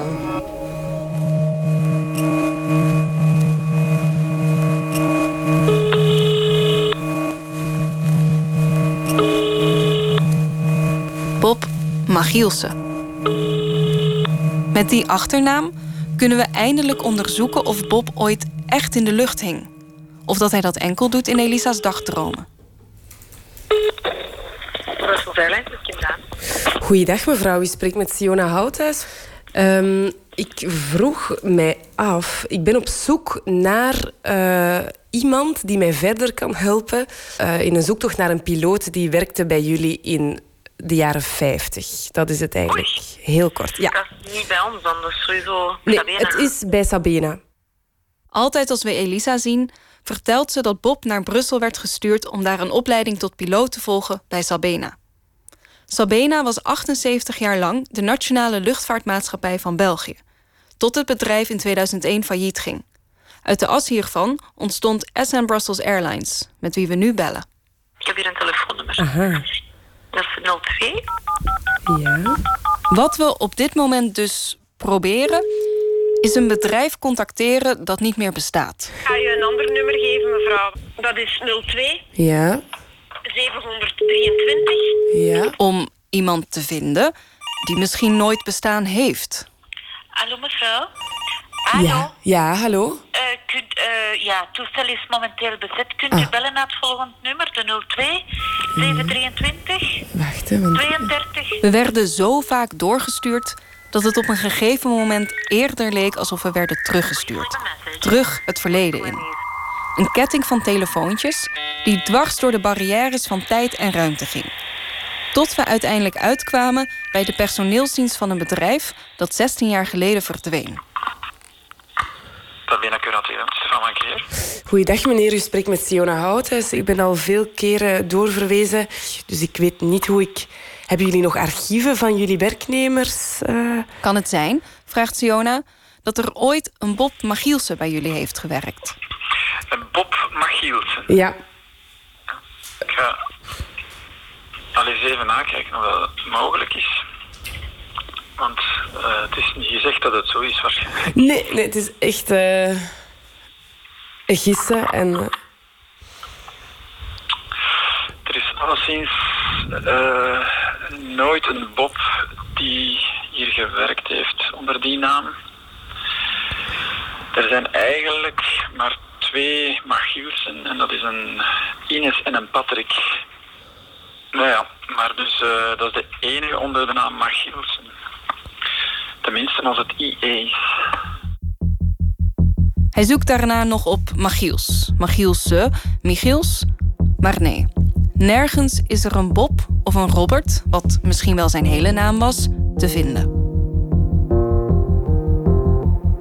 Zou het kunnen dat Elisa toch gelijk heeft? vraagt Siona. Dat Bob wel naar Brussel ging om piloot te worden, maar dat hij de opleiding gewoon nooit heeft afgemaakt. Eh, voor piloot, dat werd allemaal in Scottsdale gedaan in Amerika, eh, die opleidingen. Blijkbaar werd 70 jaar geleden al het Belgisch vliegend personeel opgeleid in Amerika. Hiernaast waren er wel een paar privéopleidingen, bijvoorbeeld in Brugge. Maar er is geen enkele mogelijkheid dat een piloot die toen de tijd voor Sabena werkte, was opgeleid in Brussel. Eh, dus ja, ik weet niet dat het de moeite gaat zijn om er niet verder te gaan. Want ik denk niet, want dan komt dat toch terug bij mij hier terecht. Eh, en ik ga moeten antwoorden van nee, we hebben niemand.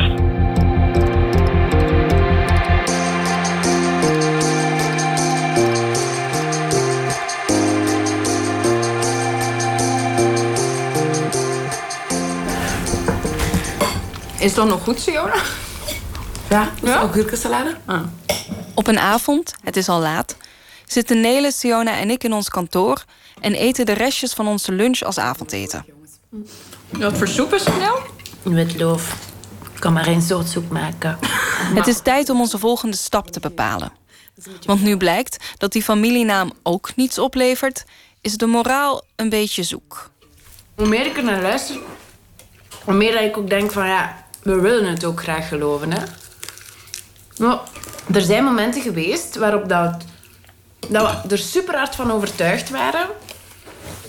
Maar ik voel dat nu even echt niet meer. Nee. Ah ja. Nee, echt niet. Geen Bob Magielsen in Sabena? Sorry, echt. Oh. Ja, maar dat kan toch niet? Dat kan toch niet dat daar niks van waar is? Dat iemand zo'n specifiek verhaal twee jaar keer op keer herhaalt Nee, met ja, zo'n nee. zo, ja, maar jawel, maar met zo'n traumatische ondertoon. Maar ik weet het. Ik weet het, maar er is niets. Van, eh, we vinden niks terug. Er, Er is- zijn geen bewijzen, niks. Niks is te verifiëren. Geef Maar ja, maar- maar één kan- bewijsmerk. Eentje. Maar, maar het is toch ook niet. Jij kan toch ook niet elke herinnering die jij hebt in bewijzen? Nee, dat is volledig waar. Maar hoe moeten we verder? Toen Elisa ons een familienaam gaf, was de eerste gedachte: als Bob Magielsen heeft bestaan, dan moet er ergens in het stadsarchief een geboorteakte, huwelijkscertificaat of overlijdingsbericht van hem liggen. Maar ik kan nog altijd naar dat archief gaan. Ja, oké, eh, dat kun je doen. Maar ehm, die hele periode waarover dat wij iets proberen te vinden, is toch niet toegankelijk. Met de privacy. Nele heeft gelijk. We mogen er niet bij. Al die gegevens zijn 100 jaar beschermd. Op dit moment zou die CSI-detective wel handig zijn. Met zo'n badge die alle deuren en archieven in een vingerknip opent. Daar mocht je niet in. Maar ga, hè.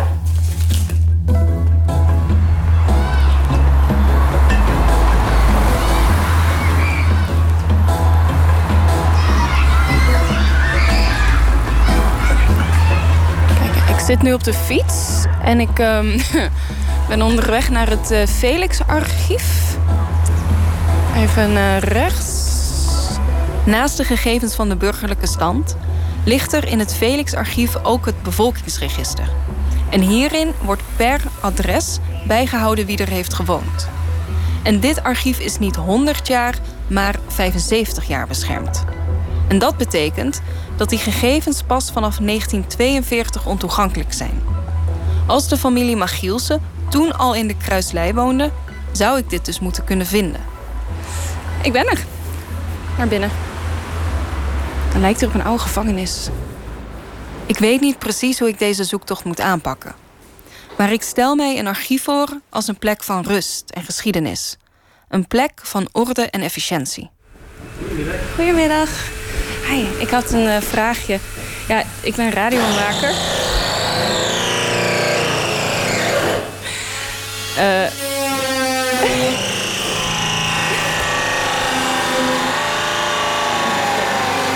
En ik ben bezig aan een onderzoek. En ook in dat onderzoek kom ik hier wat opzoeken.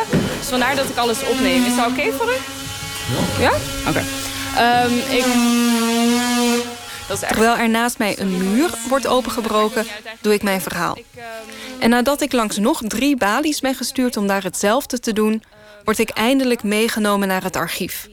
En daar lijkt het alsof ik terug de jaren 90 instap. Voor me staan rijen en rijen microfilmmachines. Grote, vierkante, beige beeldschermen die zuchten en piepen terwijl de mensen ze bedienen. De rode knop. Deze? Ja. Helemaal tot op in. Ik ga film na film af. Scroll door namenlijsten die nooit lijken op te houden. Probeer onleesbare handschriften te ontcijferen. Ik vind families Michielsen, Michiels, Machtemus, Machel, Bert. Maar geen Machielsen. Niks.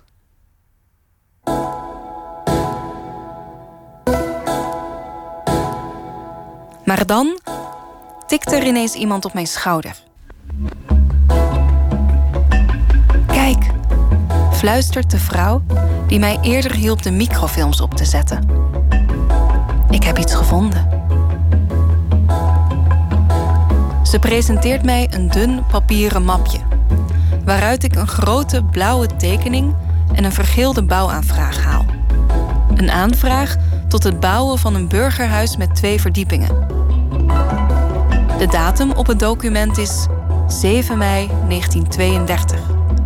En het adres waar het huis moet komen is Kruislei 40.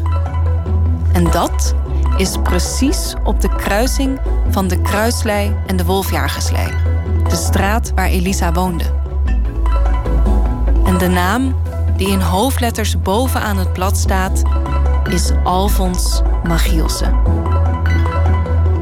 Alfons Magielsen. Dat zou perfect Bobs vader kunnen zijn.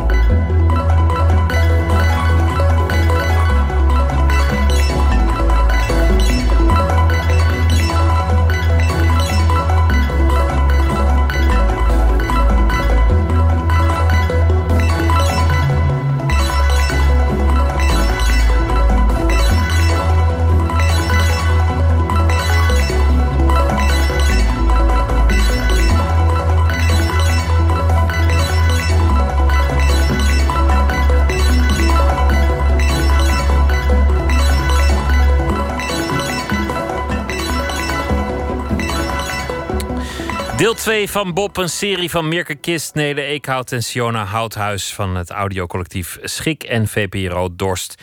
Morgen aflevering 3. Marjolyn Williams komt uit Nieuw-Zeeland en dit is een eh, duet met een uh, plaatsgenoot uit het uh, havenstadje Littleton met Aldous Harding. En het nummer heet Nobody Gets What They Want Anymore.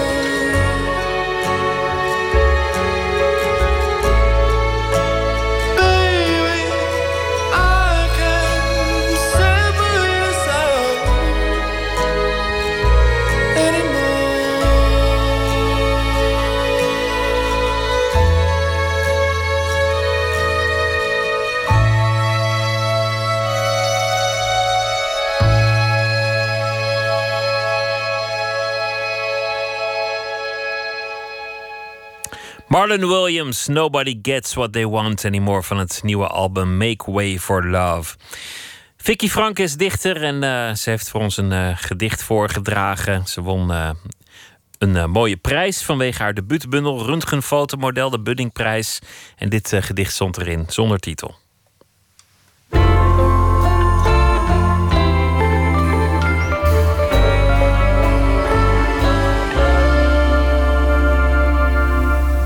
Onze ratio, een radio die dag en nacht een ruis voortbrengt. Het sneeuwt in je oren. Je denkt altijd wel iets, hoewel meestal weinig van kwaliteit. Het gevoel dat je niet alles voor het zeggen hebt terwijl je schrijft. Het denken dat als een blauwe ballon in een carousel voorbij komt, knapt. Een gedachte die opstijgt, naar je zwaait, de pluim grijpt. Gratis nog een rondje.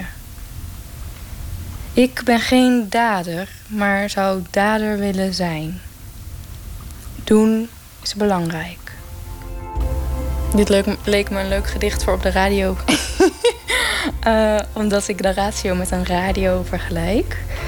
En om heel eerlijk te zijn, misschien niet alleen de ratio zelf, maar ook überhaupt het denken. Er is natuurlijk veel denken dat niet strikt genomen nog ratio is. Piekeren, door blijven denken over dingen. Dit gedicht is voor mij is het een soort aanmoediging om, eh, om niet eeuwig te blijven denken, maar ook dingen te doen. En dat is niet mijn sterkste kant. Ehm, maar doen is belangrijk. En ehm, ik denk voor mij zijn woorden misschien wel mijn belangrijkste daden. Maar zo is het een daad geweest om deze bundel uiteindelijk uit te geven. Ook al heb ik er heel lang aan getwijfeld. Onze ratio, een radio die dag en nacht een ruis voortbrengt. Het sneeuwt in je oren. Je denkt altijd wel iets, hoewel meestal weinig van kwaliteit. Het gevoel dat je niet alles voor het zeggen hebt terwijl je schrijft. Het denken dat als een blauwe ballon in een carousel voorbij komt, knapt. Een gedachte die opstijgt, naar je zwaait, de pluim grijpt. Gratis nog een rondje. Ik ben geen dader, maar zou dader willen zijn. Doen is belangrijk.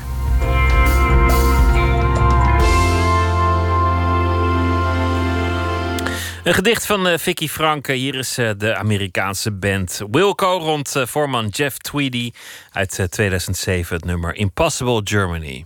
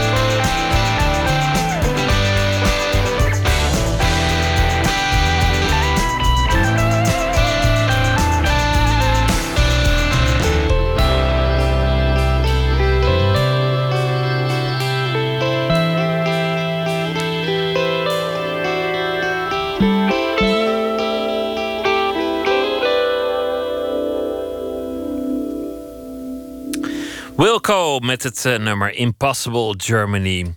Morgen in Nooit meer slapen komt architect Thomas Rauw op bezoek. Werd geboren in Duitsland, kwam in de jaren 80 naar Nederland. Omdat hij toen zag tijdens zijn studie dat hier spraakmakende architectuur vandaan kwam. In 1992 richtte hij een eigen bureau op Rauw. En dat eh, probeert alles milieuvriendelijk te doen. Hij streeft er eh, naar om een milieuvriendelijke samenleving te bereiken via de architectuur. En hij is ook een voorvechter van de circulaire economie.